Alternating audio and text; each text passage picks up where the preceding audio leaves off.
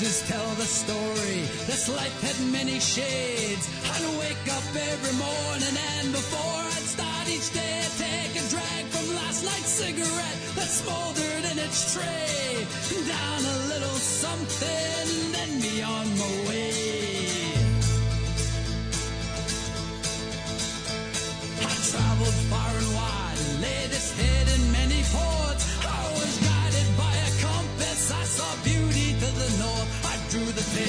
many lives and wore the faces of my own. I had these memories all around me so I wouldn't be alone. Some may be from showing up.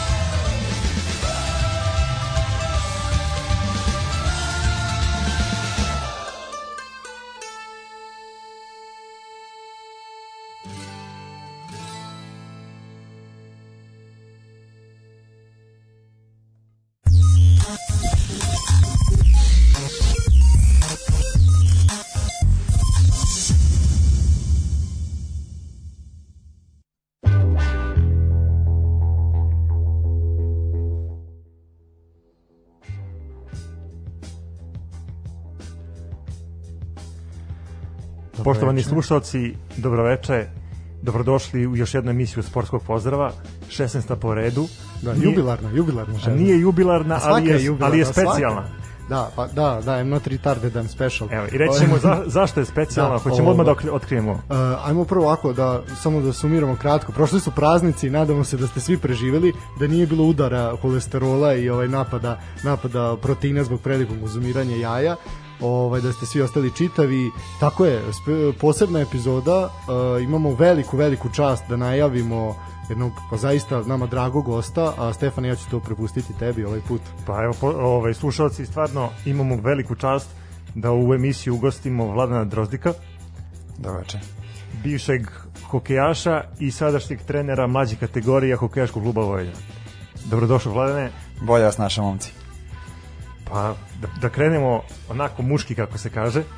Pa muški u meso, ono kakav hokej jeste zapravo. Ovaj pa to je Da, da probijemo led. Da probijemo led, da, da, sve, znači, bit će pregrš glupih fazona. Ovaj, to, to se odmah navikne i to očekuje od nas, ali ono prva, znaš, mi smo sad pričali ovih dana, ajde, mi smo planirali tebe kako, gde, šta, ovaj, i onda kad smo tako pričali s ljudima koji slušaju, znači neko sluša u emisiju, ovaj, njima hvala, Uh, kao pa imat ćemo gosta, čovjek se bavi hokejom, on je trener u hokeju, kao ono šta, i onda smo shvatili da baš naš narod i ne zna puno o hokeju, ako nisu imali nekog člana porodice, nekog da se, da se bavi, Pa nam reci kako je to sve počelo, kako si ti kao dečak u Srbiji odlučio "E, ja ću se baviti hokejom, a ne, a ne košarkom ili futbolom. Pa zapravo pola tvoje rečenice istina, znaš, ja sam prvo malo igrao futbal, ovaj, pa tek onda prešao na hokej s nekih 11 godina, što je relativno kasno.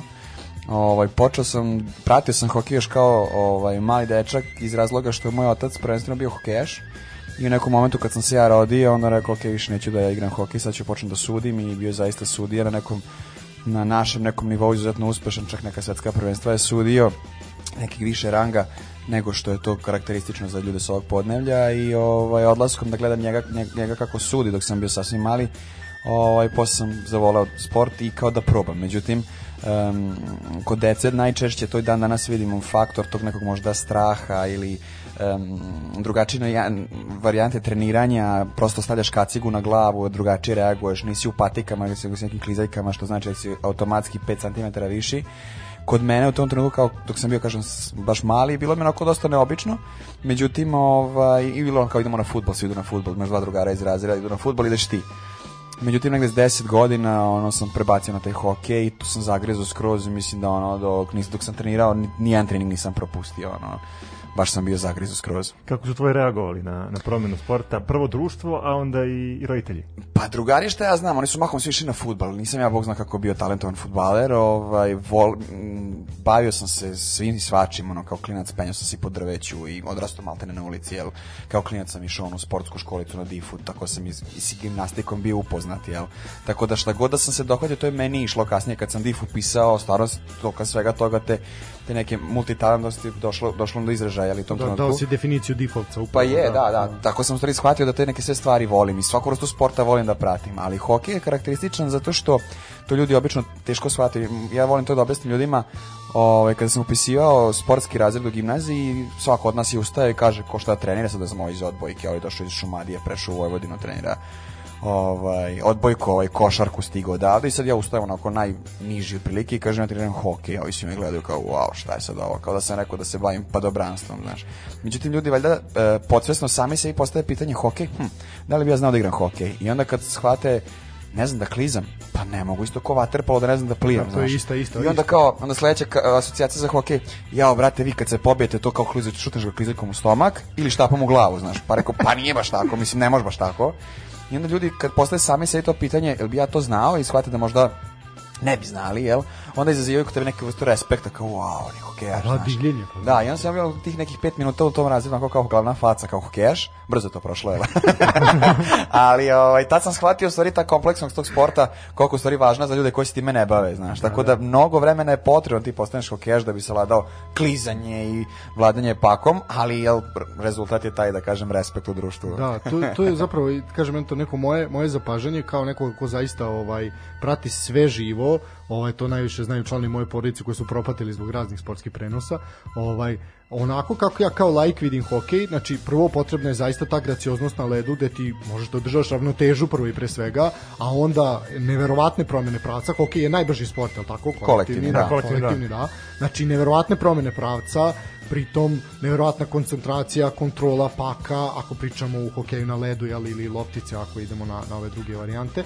Znači, i pritom treba da utaraš taj pak u gol, gde je golman praktično veći od gola, mislim.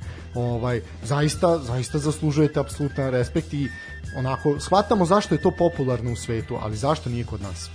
E, Pa, karakteristično kod nas je to što, iskreno, mi smo, da kažem, južnija, južniji deo ovaj, em, Evrope i automatski kod nas leta su jača, m, duža su, duže i jače i proleće i, i, jesen i prosto ta kultura igranja hokeja najviše se razvija, uslovno kažem, u dvorištu. Kod nas se desi ponekad naš odro što se zamrzi, onda klinci igraju kao hokej i onda se pojavi novih 20 klinaca u klubu i onda 20 godina se ništa ne desi ili 10 i onda za 10 godina ponovo, recimo u nekoj Češkoj, Slovačkoj, pa još severnije tamo Nemačka, Švedska, Finska, tamo je sasvim normalno da u kvartu između zgrada klinci se skupe, zalede igralište, igraju hokej, ko što se kod nas, ne znam, pika basket na svakom ćošku, jel?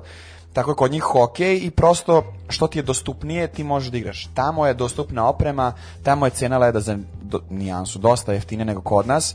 E, sezona je duža, e, matematički gledano kod nas traje recimo šest sezona u Novom Sadu 6 meseci, a u Beogradu će sada trajati 10 meseci. I sada to je ogromna razlika kad vi razvijate tako dete, recimo on trenira praktično dve sezone jedan, dve sezone drugi, u stvari je ra- razlika sezonu i po za Beograđane, jel? Znači u, u, u, Slovačkoj je to još duže, maltene cijele godine klinci treniraju, čim ti imaš uslove, onda roditelji kao he, ima, ima, ima, ima mogućnosti da trenira se razvija, što ne bi to trenirao? Ja volim da kažem, kad me ljudi pitaju kao, pa kako vi to preko leta? Ja kažem, zamisli sad bazen, vaterpolo ljudi treniraju i izvuku im vodu, znaš, na šest meseci i sad stoje u bazenu i dobacuju se, znaš.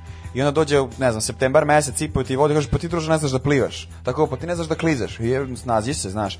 Pa onda voziš rolere, ideš preko negde gde ima leda, klizaš preko leta, prosto da održiš to nešto i nadaš se da će jednog dana biti kod nas duži, duži, duži led, ovaj, duža sezona leda i onda ćeš kada... Ili ako ne, za, za, početak da, da, bu- da bude barem zime. Da. Pa da, da, i to... ove godine nismo imali zimu. Pa da, da, tako je. Mislim, ti, ti, i ono što sam slušao od starijih je, kao naš, to je to što si rekao, zaledi Dunav i igramo se, tu, tu se negde naš stvara, stvara neka osnova, tako je. Uh, spomenuo, si, spomenuo si našu ligu i sad, jel, ono, jednim delom, kaži mi, kakva je sad trenutno situacija u ligi, koliko ima klubova i kako to izgleda? Gde smo u odnosu na drugi? Pa vidi ovako, sad ću ti reći malo opširnije. Do neke 2011. godine, e, 10. godine, 2010. E, postojali su Vojvodina, Crvena zvezda, Partizan, Spartak, Beostar. I osim Spartaka, svi timovi su imali poluprofesionalne igrače, svi igrači su bili plaćeni da igraju nešto, neko više, neko manje. Svaka ekipa imala je e, pet stranaca, i to dosta dobrih stranaca, i sve četiri ekipe su bile izjednačene.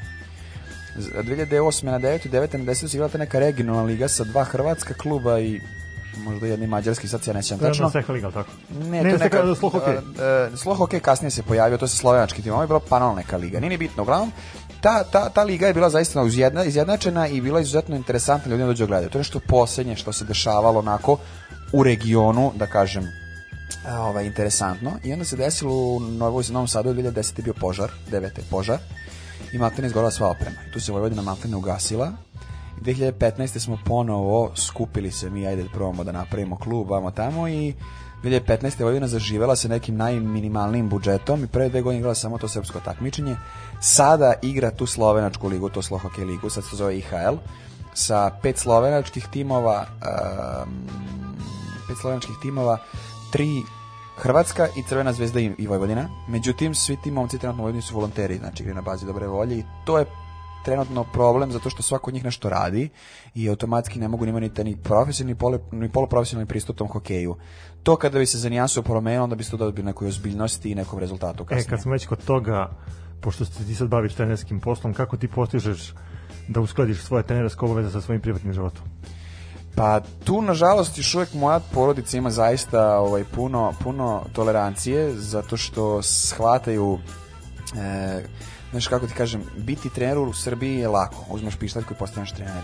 Steći znanje u Srbiji je veoma teško zato što nema stručne kadrove. Ja preko leta odlazim u Ameriku, radio sam nešto malo u Južnoj Koreji, u Finskoj, Nemačkoj. To su neke stvari gde sam kupio znanje.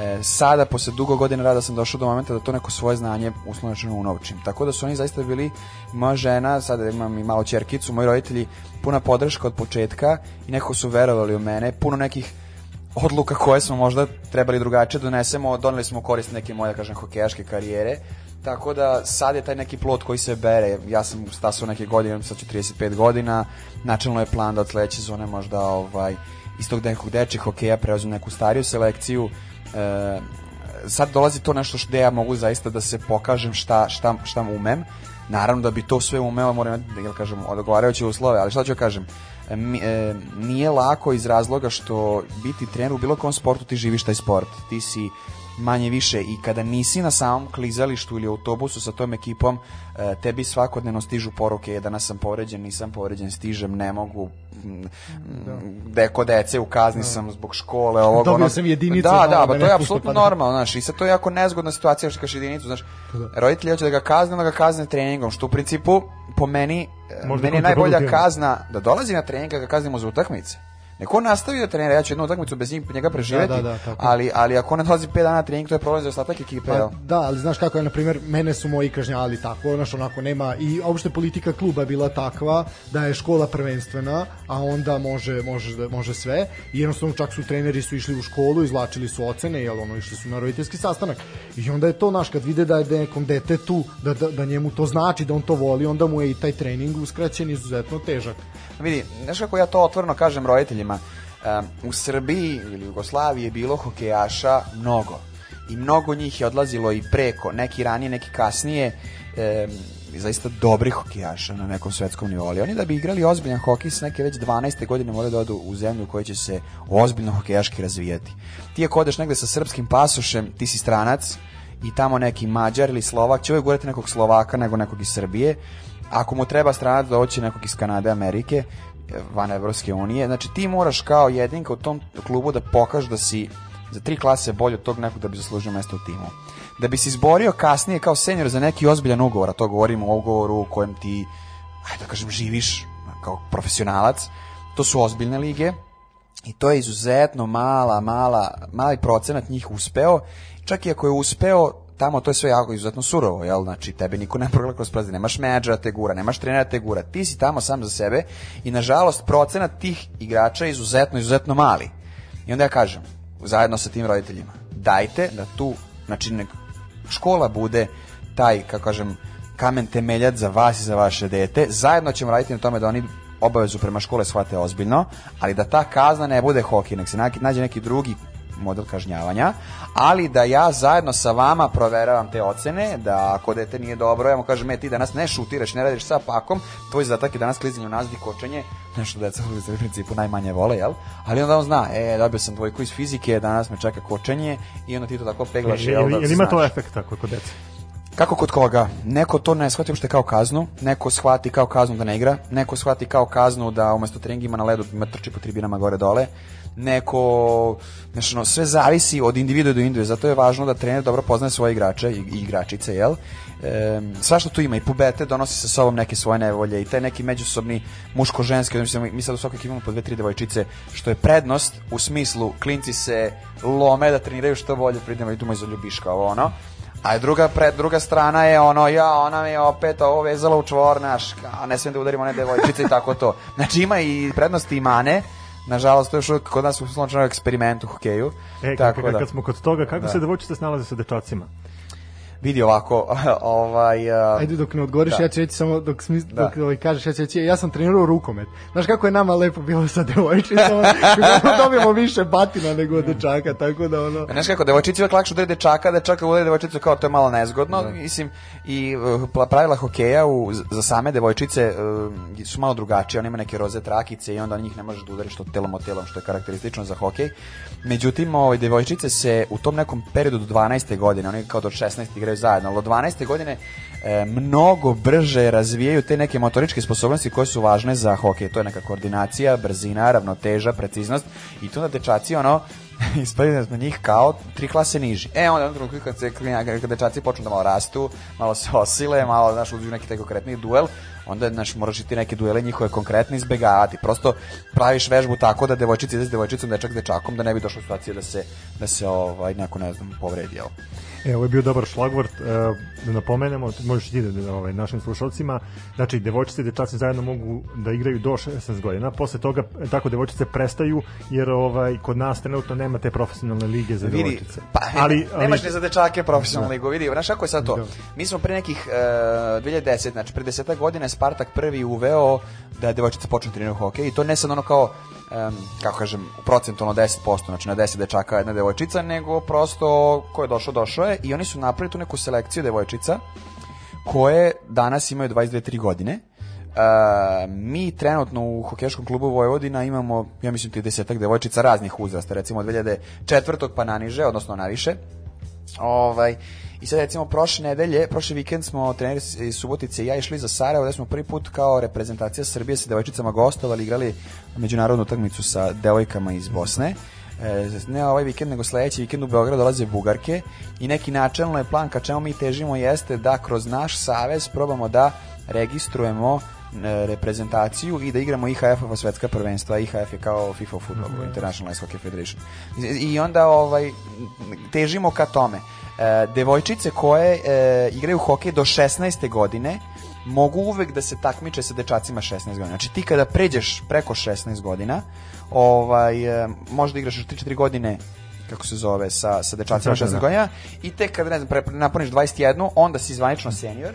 E sad ono što mi kao Novi Sad ili Subotica kao Subotica ne možemo sami da oformimo ekipu, neki naš načelno plan je kako tim devojčicama pružimo neku šansu da se bave tim sportom, jeste da napravimo neku zajedničku reprezentaciju koja bi mimo tog IHF-a svjetskog prvenstva učestvovala u nekoj regionalnoj ligi, a to je turnirski neki sistem sa Hrvaticama, Bosankama, Bugarkama i Mađaricama, to s jednim timom iz Mađarske. Ovaj, igrali bi pet turnira, svaka ta ekipa bi bila jednom domaćin, svako sa svakim jednu utakmicu i to neki 20 utakmica u sezoni što ima neki smisao i daje njima neku nadu za tim nekim treningom jer apsolutno je nerealno očekivati da postoji liga za žene ili devojke, devojčice kada ni liga za muškarce, muškarce ne postoji ko svet. E, kad smo kod te, kod te lige, ovaj, već smo napomenuli klubove, da. Da. tako, osuđeni smo znači, na, na dva novosadska, na četiri beogradska i na, na Spartak koji se takmiči sa, sa Mađarima, tako? Vidi ovako, Spartak, da, oni igraju zajedno sa mađarskim Kiškorošem, igraju mađarsku drugu ligu. U Novom Sadu ima NS Starsi Vojvodina i u Beogradu ima Zvezda i Partizan. O, Partizan nema seniorski tim. Nema. Nema, da. Nema, ja, i, i to je vidi ovako, sad to je što sam rekao, ono, posle, počeo sam 2010. šta se desilo, desilo. Međutim bio taj požar, pa se to malo liga razbucala, bila skroz. 2015. Postoje, postojali su NS Stars, Partizan, Vojvodina i Zvezda. Spartak je igrao i dalje tu neku mađarsku ligu za seniore, još godinu dve i onda su oni prešli neku kao amatersku ligu sa makedoncima, bosancima i bugarima.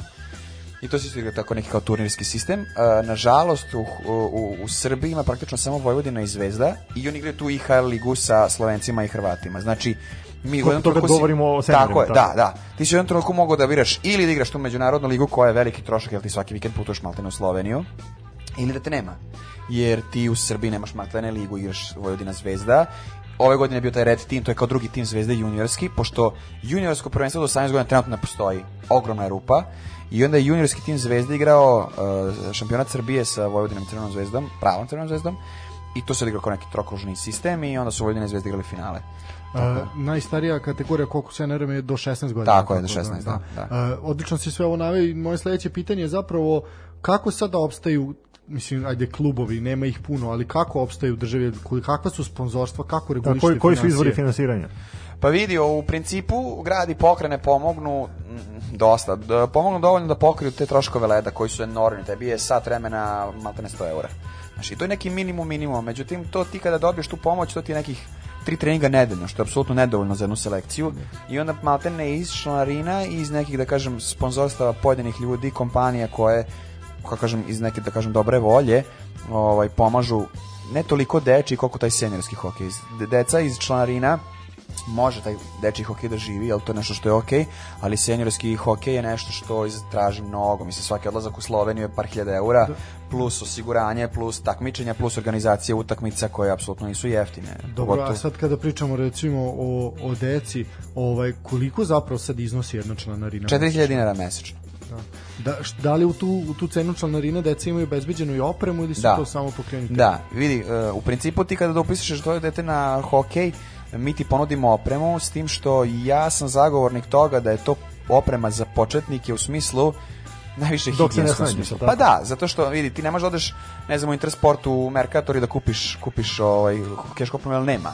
Ima ljudi koji se bave time, koji to donose, ima, ne znam, berza polovne opreme na Facebooku, oglas ima i ti možeš da nađeš to nešto, ali neko ko je nov u svemu tome, on ne zna ni dete da obuče, onda mi njega praktično oblačimo od početka, on se upozna s tim stvarima i najčešće tom nekom damo tu opremu za do kraja te sezone, zato što prosto tu kacigu koju on stavi pri njega je stavio neko drugo dete i najbolje bi dece, pogotovo sad u vreme korone, svako ima svoju kacigu zbog te neke higijene, jel?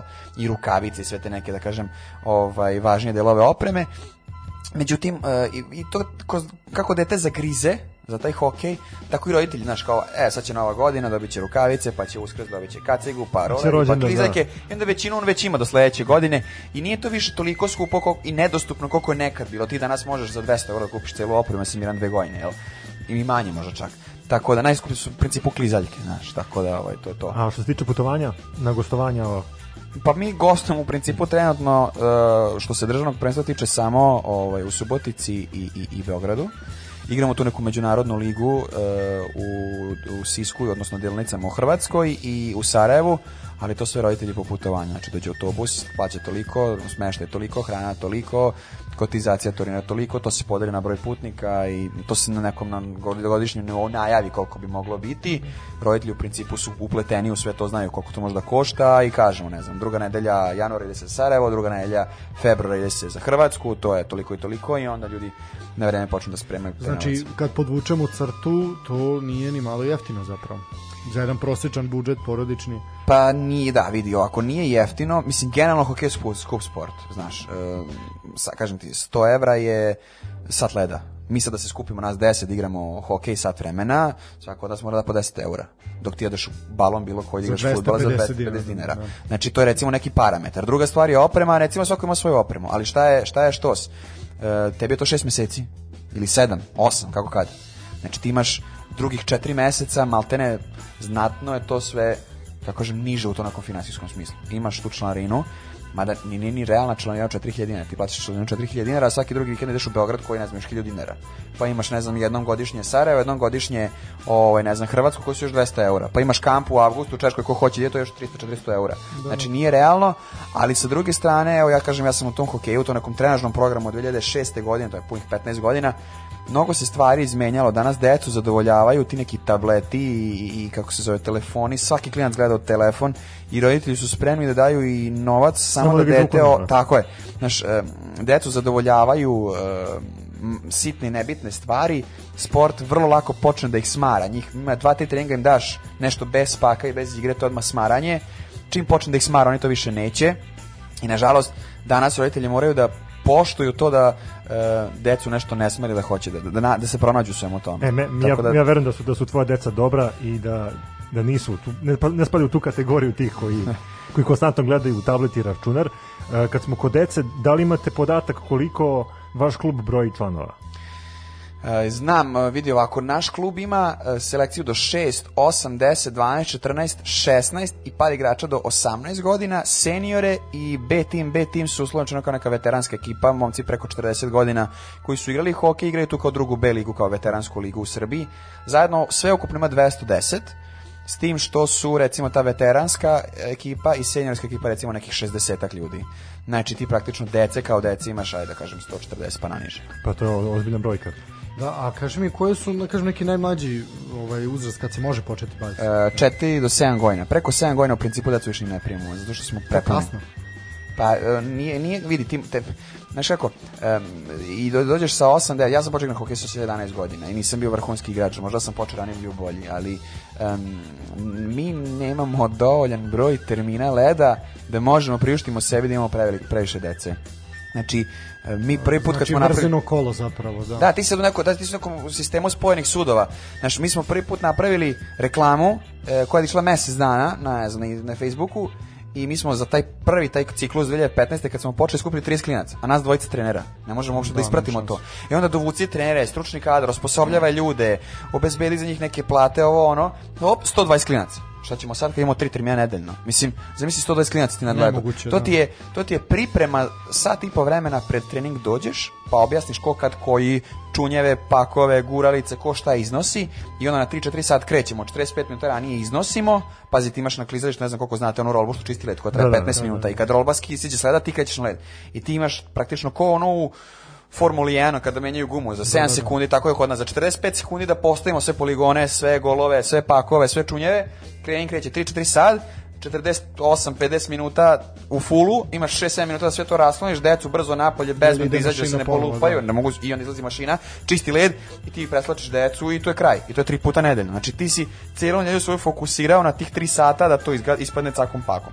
Uređu vremena su mi kako je klub rastao, dobili malo više termina, ali dalje nama se desi recimo selekcije 6, 8, 10, treniraju na istom ledu i to ti je, to kako hokejaški teren ima tri trećine, bude nekad, ne znam, ponedjeljkom uveče od 15 do 8 koji je kao premium termin, bude 80 klinaca. Tebi treba 15 trenera. 15 trenera i instruktora zajedno da može to da se sprovede neki, da ne stoji dete u koloni 6 minuta, nego da ima neku prolaznost na svaki 20-30 sekundi da vežbu. Da to vreme bude ispunjeno, jasno. Da, e, lepo si pomenuo Facebook, da, mi smo zaboravili da kažemo, znači imamo izuzetno zanimljivog gosta, javljajte se na 060-7145-266 putem Facebooka, Instagrama, Twittera, znači na svim društvenim mrežama smo, uh, možemo jednu kratku pauzu, malo Mogli da, da. malo da predahnemo, pa ćemo, pa ćemo nastaviti priču sa, sa našim drugom Vladanom. Uživajte u simpatičnoj pesmici koja sledi.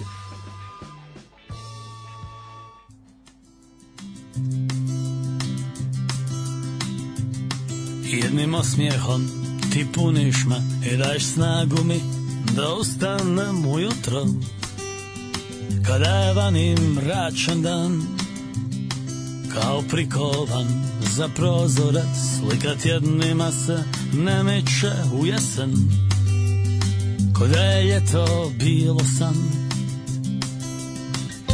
Ulaziš mi u svijet kao vatromet i daješ svemu neki smisao i me strah me nas ne stigne ovaj grad a ti mi kažeš ma ne brni se navuci zastore isključi svijet barem za nas.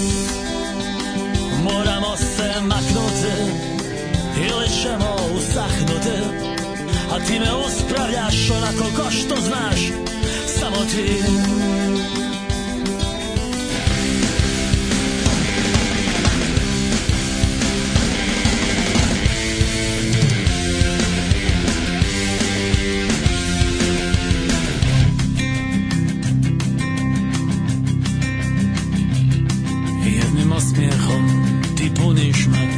daješ snagu mi da ustanem ujutro Kada je vani mračan dan. Kao prikovan za prozora Slika tjednima se ne miče u jesen. Ko da je ljeto bilo san? Tak mi se učini da nešto nema Preti usahnuti od vakuma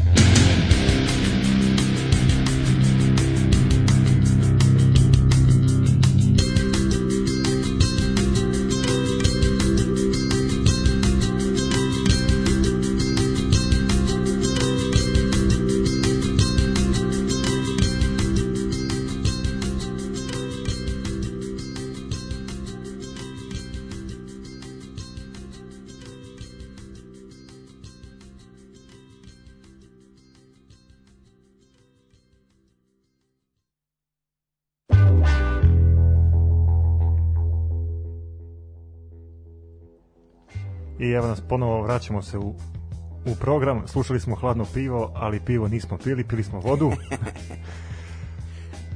Tako je, Sportski. Da, sportski, ne, pa apsolutno se ovde živi sportski, tu uopšte nije bilo, da ne bi bio klub 27 kao što je koleginica pre nas pričala, ovaj, da, Pa eto, imamo izuzetno zanimljivog gosta, rekli smo javljajte nam se, ovaj stižu poruke, u suštini za sad nema nema nekih konkretnih pitanja, ali, Ali postavite pitanje, stvarno bi Da, volili da. da, da, da čujemo šta imate da kažete i između ostalog Vlad može da vam odgovori na bilo koje pitanje koje smatrate da je interesantno za vas. Pa da, sad će nam stići ono šta očekuješ u podznaku jarca ili tako nešto, da, ne moram biti konkretan.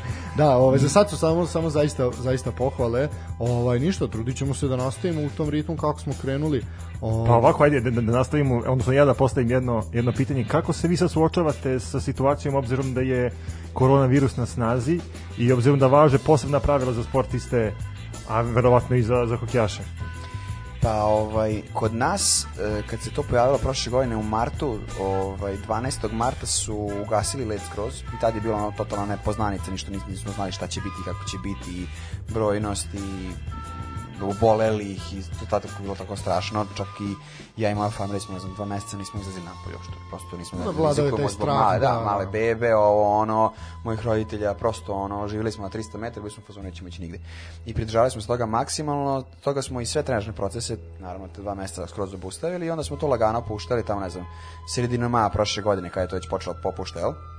Ovaj, I onda došao se trenutak kada nama treba da naprave led, to je neki 1. oktobar, i kao šta će biti, mi smo prvi tim prijavili za tu slovenačku ligu, prijavili smo mlađe selekcije za tu međunarodnu ligu, ne znaš da možda pređeš granicu, ne znaš da šta će biti. Imali smo planu u Češku da idemo u avgustu, pa je to bilo otkazano, na kraju smo išli u Segedi na pripreme, s tim što je u tom trenutku na snazi u Mađarskoj bilo tipa ne smiješ da se zadržiš duže od 24 sata. Onda mi odemo, uh, odemo u Segedin uh, ne znam, utorak, pre- pardon, u subotu prepodne sa mlađim grupom, otreniraju, oni se vrate sa roditeljima, mi ostanemo treneri do popodne, dođu stari, otreniraju pa se vratimo, onda su transfi opet iz početka u nelju, tako da 3-4 vikenda, prosto šta god smo mogli da uradimo da, da izađemo na led.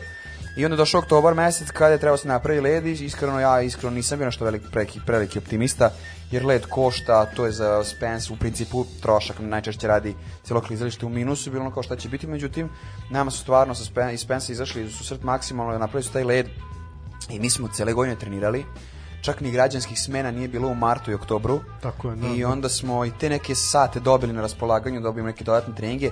Tako smo i ove godine mnogo više trenirali nego bilo kad ranije. Ali Se to naravno, odrazilo na rezultate?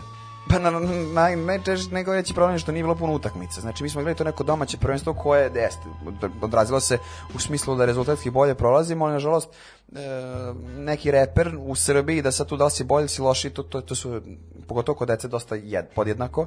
Ti se najviše meriš tamo s nekim Mađarima, Slovacima, Česima, Slovencima, Hrvatima. I sad danas smo došli u situaciju da recimo neki Slovaci uopšte nemaju led. I tamo klinci iz Slovačke šalju mail kao mi, mi došli na dve, tri nelje, možemo ovo, ono.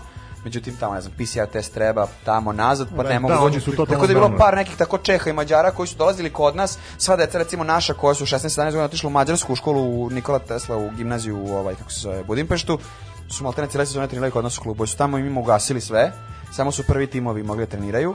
Sva deca nisu imali led uopšte i vratili se nazad i trenirali kod nas u Novom Sadu. Tako da, ovaj, nismo igrali puno tih međunarodnih utakmica. Ovaj, pred kraj sezone se otvorila ta opcija sa Sarajevom, odnosno Bosnom i onda smo tamo odlazili da odigramo koju utakmicu ali nažalost to prema Hrvatskoj i severno ka Mađarskoj sad smo pre dva vikenda išli sa selekcijom do 8 do 10 godina u Mađarskoj da igramo turnir u Segedinu prvi put posle, ja ne znam, godinu dana skoro, jel? Tako da nismo puno takmičarskih utakmica odigrali gde možemo da kažemo je bolji smo i nismo bolji, ali generalno kroz taj trenažni proces ja mogu da ocenim šta je potrebno za jednu sezonu da se naučim u kojom uzrastu dece. Mi smo to malo prevazišli ove godine. Prosto gustina treninga, dobili smo neke termine rano ujutru, u 6.15 recimo četvrtkom, deca dođe njih 20 na trening. Znači, deca ne idu u Svaka školu, čast, svaka nemaju fizičko, odražiš dva, tri roditeljska sastanka, objasniš da je sada taj moment kada se taj impuls želje ka hokeju kreira, dajte da steknu naviku, da ustaju rano, roditelji morate biti podrška, ali ih vi dovozite, do 7.15 su gotovi, u pola 8 su u školi, ajde, ajde, ajde, bilo je malo gurke naše E, kako su roditelji reagovali na to? Pa, to kad znaš kako treba da uradiš, to nije problem. Znaš kad ti... kad Pogotovo, pogotovo Da. da. si ti roditelj, pa... Pa ne, znaš kako, vidi. Um, Hoće reći, ako si Da, manipulator, vidi. sve može u životu. Ima ja, neke stvari koje sam radio, da, pokupio sam u Americi, neke stvari sam pokupio od nekih drugih trenera. Jedan moj kolega koji sad trenutno radi sa nama ovde u Vojvodini, on počne sastanak, kaže, vaša deca su sjajna, lepo vaspitana i jako lepo raditi s njima. Jedno roditelji kad čuju... svake mame da, se otrepe, tako je, da, onda oni da, kao, da. ja, vre, recite I šta tate, treba. nemoj samo mame, E, onda i se na to... A dobro, recimo Mame, mame, da. mame su ti na E, grupa. Mame su, da. Onda kaže, onda dođem ja kažem, znate, vidite ovako, vaše dete će brzo odrasti i vrlo brzo će samo početi da dolazi na ove treninge i vama će faliti tih sat vremena što dođete i provedete u dvorani, gledate tamo neki trening i grickate semenke. Nemojte sebi to da uskraćujete zato što vas mrazi da ustanete. I oni kao, jao, da, vidi, on je već velik, već tri godine trenira, još tri, on će moći sam. I onda te dve stvari im kažeš, svesni su roditelji da tebi šest meseci sezona je izuzetno kratka i ti da bi postigao nešto, ne sad da bi bio hokejaš, nego da bi postigao Neko e, unutrašnje zadovoljstvo. Neku, neku kulturu sportiste neophodno ustaneš rano. Mislim, mi često odlazimo preko na, na, na neke pripreme takmičenja, to je tamo je apsolutno normalno da hokejaši treniraju od pola osam ujutru. A znaš šta je još luđe od toga? Što umetničke klizačice treniraju pre njih od šest ujutru. A još luđe od toga je što pre umetničkih klizačica treniraju oni brzi klizači od pola pola šest, pet i petnaest. A zato su i brzi. Da. Zato su brzo ustanu. Zato ih i nema svuda u svetu. što nisu privilegovani, znaš. Tako da, ovaj, e, od svega postoji još luđe, jel? Tako da, ovaj, recimo u Beogradu je apsolutno normalno da prvi tim trenira od pola 12 uveče do pola 1, a kod nas u Novom Sadu, ne znam, prvi tim ako ima trening posle 10 i 15 uveče, kako ćemo ujutro, znaš.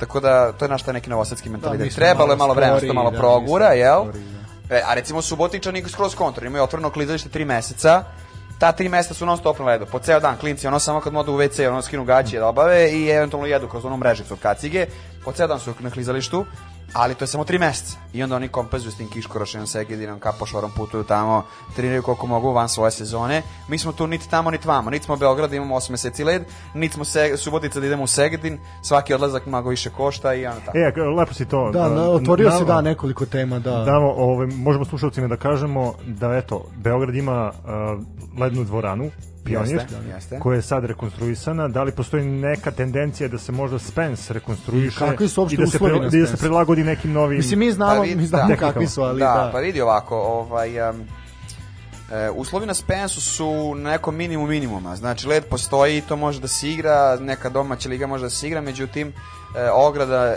definitivno traži neko renoviranje, ne zato što sad ne znam šta, nego prosto hokejaški standardi su drugačiji. Isto kao što vi ne možete u futbolu da igrate ako nemate pored terena veštačku travu i nemate one prskalice, ne znam ti ni ja šta, tako i kod nas ograda mora da ima tu neku amortizaciju zbog bezbednosti igrača, ograda mora da bude fleksibilna, naša ograda je tamo iz 81. kada je Spence pravljen, to je prva stvar, vrata ima samo jedna, treba ima dvoje sa svake strane, mora ima dvoje vrata za, za, za, za rolbu, odnosno za spravu koja čisti led, mi imamo samo jedna, znači prosto to se sad nešto usavršilo i to je neophodno da bi se ovaj, na nekom visokom nivou ovaj takmičenje. Šta znači na visokom nivou? To znači da jedan novi sad bude organizator svetskog prvenstva. Iz tog razloga je Beograd re- rekonstruisao halu. Znači, u njima su rekli, e, možete dobijete organizaciju svetskog prvenstva u diviziju koja je Srbija, ali ono što je neophodno imate novu, novu ogradu, zato što vaša ograda staromodna i više nije po standardima IHF-a.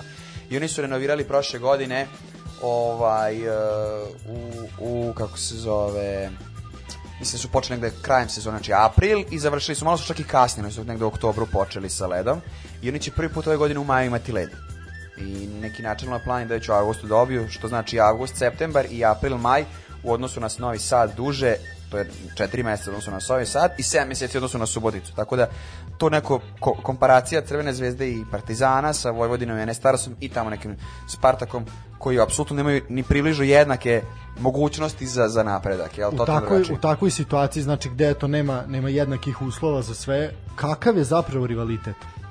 Pa, e, znaš kako... Odnosno, ajde prvo da, da, da. Da. da, da razmatramo rivalitet na lokalu, pošto imamo dva kluba. To je sve.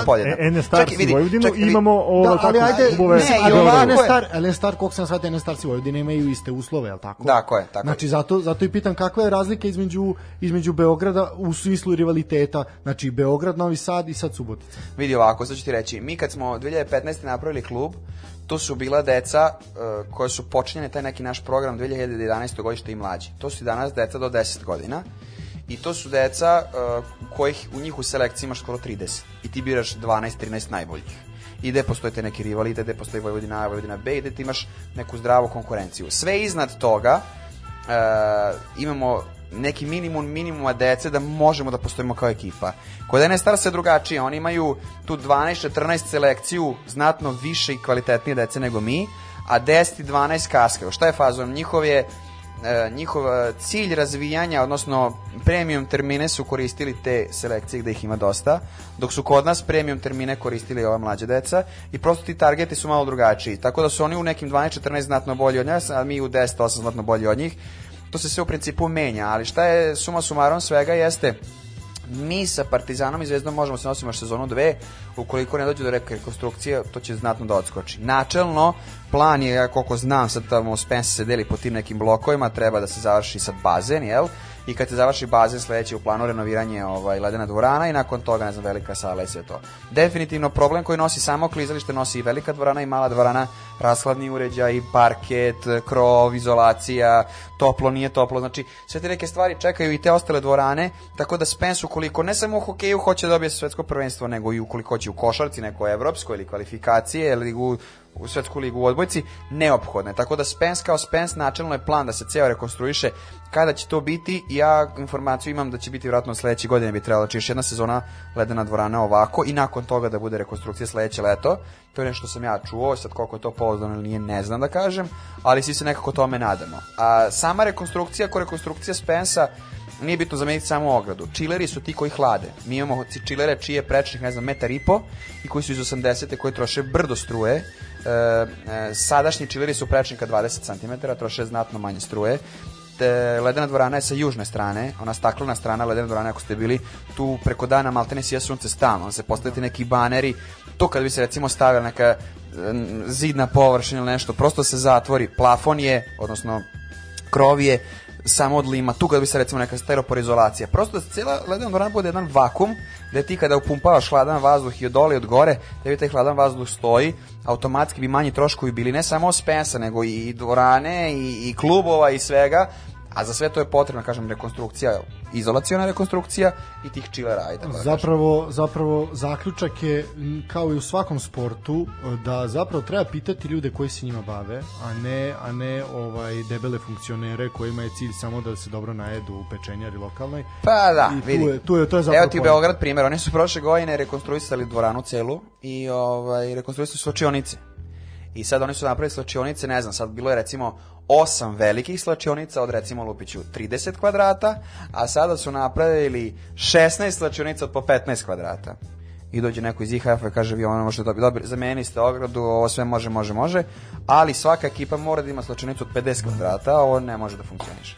I sad nešto sam ja kao nešto čuo da će oni opet da bušu tamo neke zidove, ovo ono, da bi, jer e, organizacija svetskog prvenstva ti je lova u principu, znaš, ti dobiješ e, organizaciju od IHF-a, imaš neku sumu koja se za to deli. E, u konkurenciji, recimo kod nas u grupi su sad, ne znam, Holandija, Španija, mi, Litvanija, e, Meksiko i Australija. Meksiko i Australija neće dobiti nikad prvenstvo zato što su predaleko da svi putuju. Španija i Holandija se baš ne otimaju jer oni knap mogu da organizuju i mi Litvanija smo u principu konkurenti ko će organizovati svetsko prvenstvo jer ti koliko ti ode jeftino sve kada dobiješ tu neku lovu ti kao savez, kao klub, kao grad možeš da zaradiš od samog svetskog prvenstva zato što tebi noćenje, ne znam, 15 eura nije ko Amsterdamu 45 i doručak ti nije 25 evra nego je 15, razumeš? Prosto i cena leda i sve drugačije, jel? Ovaj prevoza od Beograda do Novog Sada, šta ja znam. I on ti kao savez imaš zaista želju da, da ne samo u finansijsku, to, ti je reklama za, za grad, reklama ti je za, Za državu, između ostalog. Turizam, posle svakog tog, kompletna pr- usluga, pa da. da, posle svakog tog prvenstva ti dođe kako se zove, još klinaca u svaki taj klub, bilo da je Novi Sad ili Beograd domaćin. Druga stvar, imaš exit, znaš, svi dođu u Novi Sad kao tu exit, ju, no, nemoj zezati, pa dođu posle tog prvenstva dva, tri meseca kasnije u exit, na exit na, na, na, na festival, znaš. Znači, sve ima nešto svoje, jel? Ali ovaj nažalost ti ako nemaš uslove da to nešto organizuješ, ne možeš ništa, jel?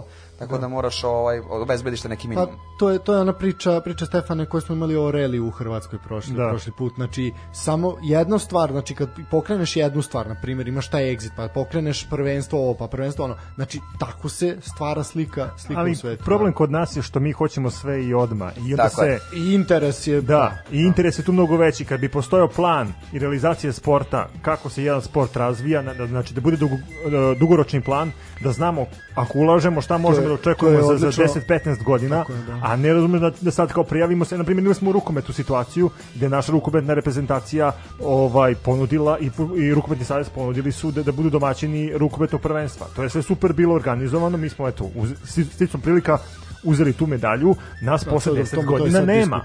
Da. Da. A, pa da, red, mislim, tako je, redki su savezi koji imaju neki plan. Mislim, jedini savez koji ima neki plan je odbojkaški savez i to je to. Mislim, kako funkcioniše Naš savez. hokej savez? Pa Hokej savez funkcioniše ovaj, u principu e, najveći problem saveza ko saveza jeste e, to nepostojanje seniorskog prvenstva i ta možda neka podrška seniorskom takmičenju. Nije to sad njihov prvenstvo da oni napravili problem, ne znam šta, nego nije se na vreme, da li savez ovaj ili prethodni, oformio način e, preživljavanja tog seniorskog hokeja. Ti kada si, kada si igrač u prvom timu, i radiš neki posao, uslovno rečeno od 8 do 4. I treba onda uveče da ideš putuješ za subotu da igraš utakmicu. Ti moraš da imaš neko finansijsko sredstvo. Znači nisi profesionalac, ali neki to neki minimum minimuma da zaradiš. A ne može sve biti entuzijazam, Tako je, da. tako je. S druge strane, ti kad si trener prvog tima, ti si 100% u to, imaš trening uveč, ujutro imaš trening uveče. Ti ne možeš da radiš, možeš nešto sezonski na sat, E, recimo ja sam trener u hokejaškom klubu, u isto vreme radim u kineziterapijskom centru gde imam treninge koji su mi ono gore dole mogu da ih pomeram kako meni odgovara naspram hokeja, ali ne mogu da radim negde neku smenu od 8 sati, zato što sam svakih 3 sata na klizalištu. Tako isto i ovo. I onda došli smo u situaciju da mi u principu seniorski hokej ne postoji. Imaš zvezdu koja ima ozbiljan hokejaški klub, e, od najmlađih do najstarijih. Partizan ima ozbiljno do 14. 16. i ja se nadam da će to oni izgurati do nekih Mi su seniora. sada tako zvanično šampioni u mlađim kategorijama. Ko? Partizan. Da. E, jeste, oni su šampioni U 12 i u 14, če- da. i mislim da je 16. I 16, da, da, da. da. O, znaš šta, i tamo je u Zvezdi Partizan tamo prelazi igrači iz, iz godine u godinu, jedno u. Plus, bukvalno ko ima više termina, oni samo pređu u drugi klub, drugi, drugi klub. Prosto to je ta, tako pa je tako. To, to, je, to, je- to je normalno. Znaš, tako da, ovaj, znaš, nije to neki realni parametar sad ko je šampion. Mislim, šampion u 16 imaš dva tima. Znaš, meni je poraz to što imaš dva tima. Apsolutno, znaš. Onda imaš šampion u 14 imaš Vojvodinu koja je najslabija, imaš NS Taras koji je tu negde, imaš i Zvezdu Partizan koji su mnogo jači. Znaš, ni to, nije, nije, to, šam- znaš, Da, daj da napravimo da, neko da. kako će ovo bude, da ima nekog smisla, jel? Ovaj, ali šta sam da kažem, um, e, seniorsko prvenstvo ne postoji, a ja mislim da je seniorsko prvenstvo ključ svega, znaš.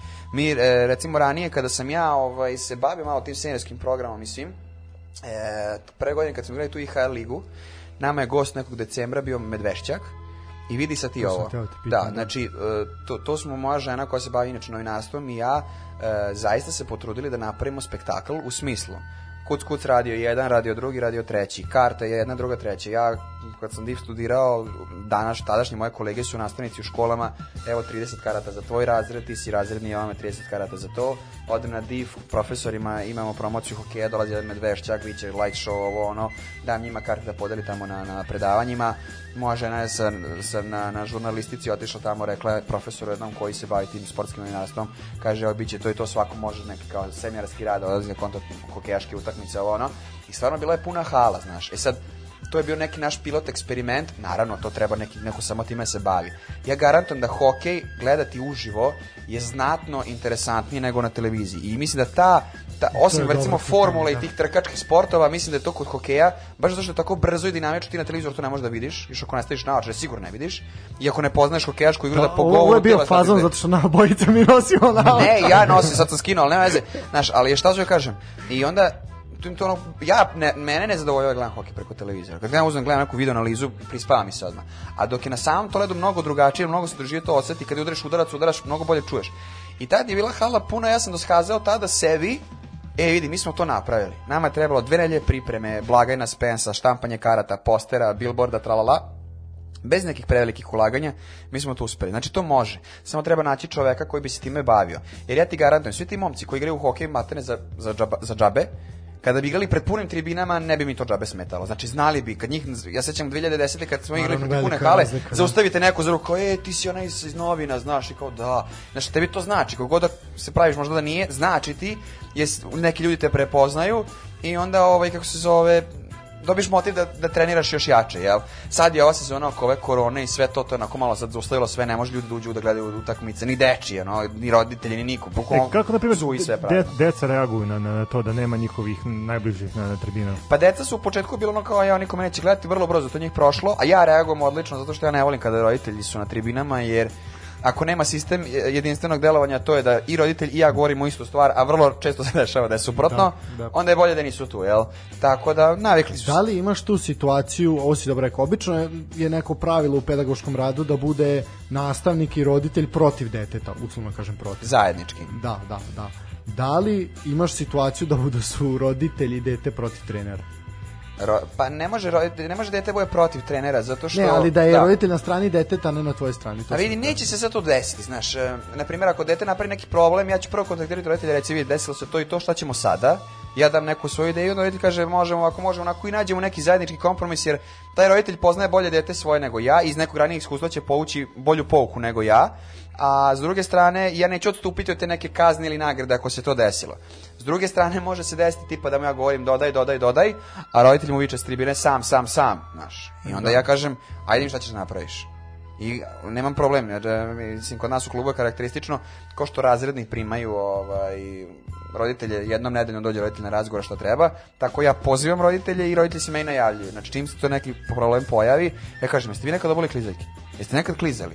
Kako ti njemu možeš kažeš brže ako ti nikad nisi stao na led? to- Pusti to- to se slažem, znači, da, prosto to to. probaj, vidi, oseti i najčešće se to desi. Jednom godišnje ono napravimo utakmicu roditelji protiv dece i deca ih ono koliko god uzrasta nakantaju i onda ono roditelji začute sledeće godine ih nema. Mislim ne, ne govore ništa više. Ovo, je- ovo je jako Ovo interesantno, ovo, ovo bi možda mogli mi da, da, da uvedemo kao neko pravilo. Uf, Inače, da. dobili smo poruku E, i evo ja može ću biti poruka. ljubazan da je pročitam. Ovaj, naravno, e, sve, svi pozdravi za Vladana i za nas. Da, I, to, to, tih poruka je stiglo mnogo. da, da. Ovaj, ali ovo, ovo pitanje je baš bilo konkretno, pa ću ga sad postaviti. E, smatrate li da naša deca treba da ostanu kod nas i da se bave hokejom ili da već u, u nižim selekcijama odlaze u inostranstvo? I drugo pitanje, ima li budućnosti ovaj, taj sport kod nas?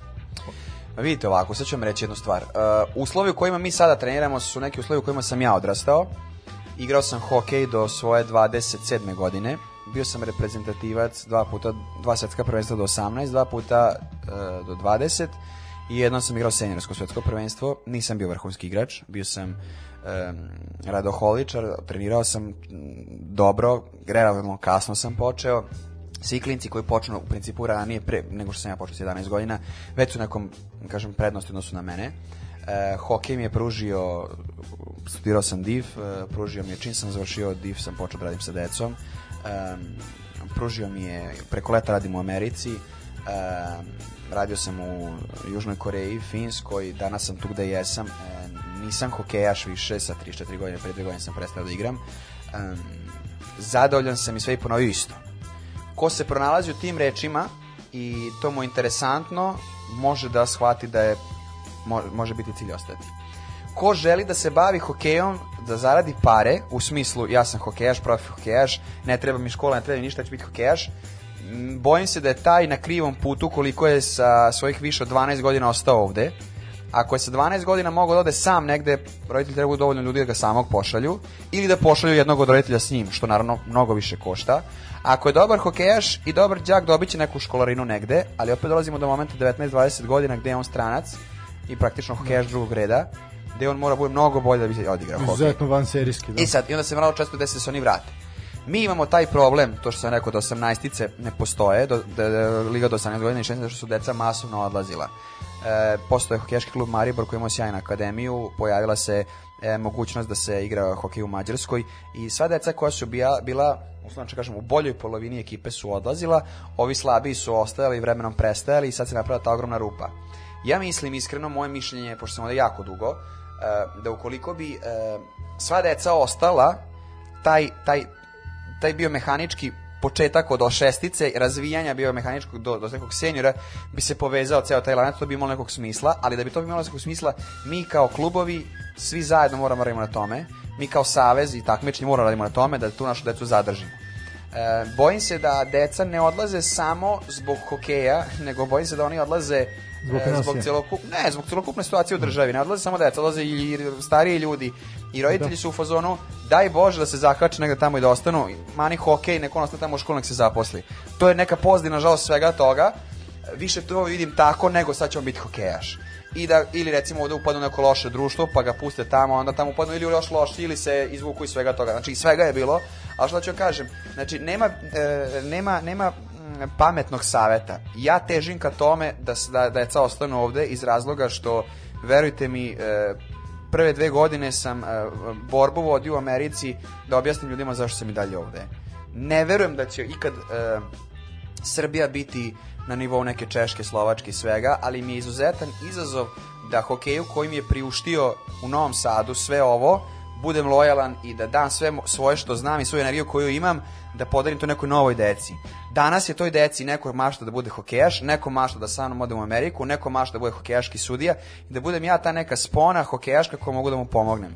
E, svako ko ode i shvati da, da mu ne ide, uvek će biti dobrodošao nazad, uvek ima gde da se vrati. To je veoma važno i njima da znaju. E, nažalost, svaki taj odlazak je vezan za, za financije. Sve to košta, nešto više, nešto manje i mislim da ta deca koja odu do neke 22. treće godine kao overage u 22. mogu da odigraju nešto, nakon toga redko ko će uspeti da igra hokej za pare. Moći ćeš da ostaneš da igraš ne znam, neku švedsku, drugu, treću ligu, radiš preko ceo dan, ne znam, fabrici kutija, odeš uveče na trening, znaš. Nikad to niko glasno neće reći kao, svi će reći, ja, on igra hokej u Švedsku, stvari, on radi, živi u Švedskoj, Da, igra jasno, hokej iz hobija, da. ko što ja odem na basket popodne, jel? Tako je ovo, ali, ovaj, kažem, ako ćemo u hokej priuštiti neki bolji život negde preko, ko sam ja da kažem ne, ali ovaj, mislim da, mislim da e, ne može se u principu ni zabraniti, možemo kažemo samo težiti ka tome, ka tome da, da, da ovaj, e, što više dece ostane da bi to onda imalo neki koncept, jel?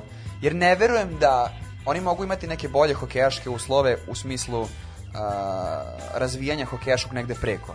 Ali šta to vredi ako se ne vrati za tri godine nazad? Da, o tom, o tom posebno, o tom razvijanju sam hteo posebno, posebno pričamo ovaj, sa ovom onako pa, snažnom, snažnom ovaj, porukom i onako emotivnom kako to mi shvatamo. Nažalost je takva situacija u svim, svim manjim sportima. Ćemo otići na jednu kratku pauzu da malo udahnemo vazduha, da Vladan malo dođe sebi pa ćemo, pa ćemo nastaviti priču. Može, može.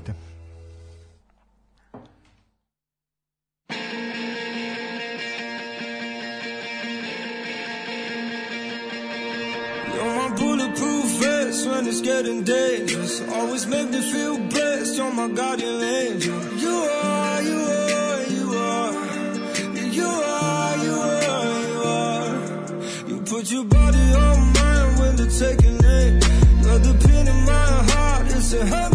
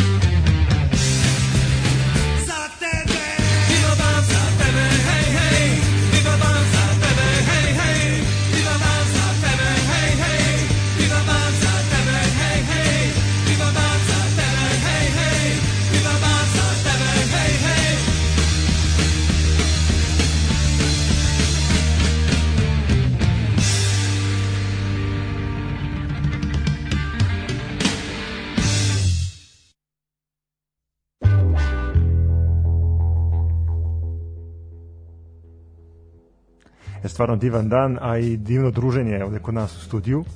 Nastavljamo emisiju. Vladanja, ti si izjavio da, da si igrao za reprezentaciju. Šta te navelo da, da prestaneš sa, sa hokejem i da uploviš u trenerske vode? Pa, ovaj, da, vidi, ono kad sam me pitao na početku emisije kako sve postižeš, ja sam u jednom trenutku bio sam posljednja godina fakulteta, igrao sam za prvi tim, te godine je bila tako neka kruna osnovno rečeno te reprezentacije, reprezentacija seniorska i ovaj i tada sam u, u to su tadašnjem klubu bilo kao opcija da počnem da ovaj um, radim malo sa decom u smislu ono da budem tamo asistiram tamo tamo ja kao neki student DIFA sam to apsolutno prihvatio Tako da sve sam u tom trenutku postigao, međutim sve vreme dok sam igrao pa, paralelno sam ulazio što s treniranja pre svega tih najmlađih. A, 2015. kad sam sve to oko Vojvodine, ja sam bio između ostalog jedan od inicijatora e ljudi, aj se skupimo da krenemo ovamo tamo i stvarno smo to mi izgurali za dve godine neki, neki, taj neki, nekoj domaćoj ligi sasvim to ok i respektivno izgledalo. Posle toga smo doveli neke momke iz Rusije, iz Kanade, da to bude da bi nekom kvalitetu. Jer smo igrali dve godine tu i, i, i, i ovo, kako se zove, IHL Slovenačku ligu. Ali znate šta, vidi, ti sad putuješ svaki vikend, putuješ ili si u Sloveniji ili Slovenci ti dolaze ovamo, a u isto vreme klub, odnosno te mlađe selekcije rastu. Pre tri godine mi smo imali samo decu, ne znam, do 12 godina. Sad imamo do 16. Znači, e, i oni imaju neke svoje utakmice. Znači, ja u jednom trenutku da biram da li idem na utakmicu sa ovaj, Sa prvim prvim timom? timom ili sa decom, ruku na srce, nisam ja bio tamo neki mnogo važan šraf u ovaj, tom prvom timu. Više sam te prve dve godine gurao kao neki kapiten da to sve stane na noge i kad sam vidio da to stoji na nekim nogama sam se to polako izvlačio, izvlačio, izvlačio.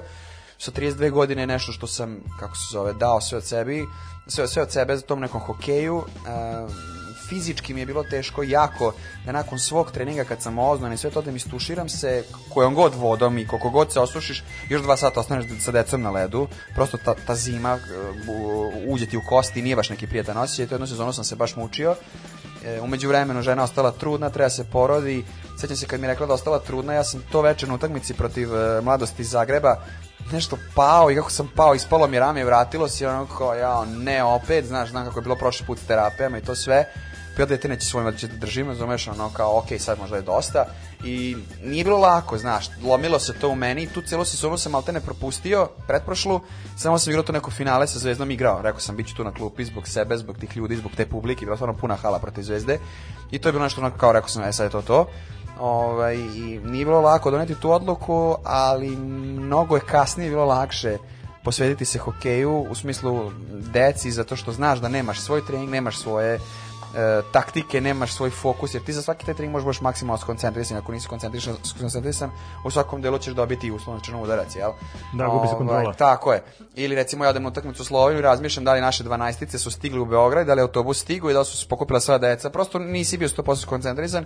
Mnogo mi je laknulo, posvetio sam se samo tome i u tom nekom mom trenerskom poslu tek u tom trenutku počinje da kažem e, evolucija u smislu razvijanja jer onda sam shvatio sam 100% samo u tome svaka sva selekcija ima neke svoje targete, šta razvijaš u kojoj sezoni, mnogo sam mogo više tomu, tada mogu da se e, ka tome skoncentrišem nego dok sam igrao. E, odlično, odlično si ovaj najavio. Zapravo nekoliko nekoliko stvari si si ovaj lepo lepo najavio, to ono što naše pitanje. Znači danas sutra mene kao roditelja, znači imam dete koje želi da se bavi nekim sportom. Uh, ono kaže ja bih tata da ode na hokej. Uh, šta su prednosti hokeja što se tiče znači samih motoričkih sposobnosti razvijanja kod dece uopšte uopšte neke nekog razvijanja celokupnog organizma šta je prednost hokeja u odnosu na na druge sportove A i šta mogu biti mane? Pošto, ili što, naravno pošto šta si Da, pomenuo jasno, da si jasno. imao povredu. I povrede, da, da. Vidi ovako, sad ću ti reći jednu stvar. Ajde da kažemo prednosti. Ovaj, prvo, hokej je izuzetno kompleksan sport. Ono što sam rekao na početku, e, svako ko je visoko 180, u opremi visok 185, zato što je 5 cm dole je šina.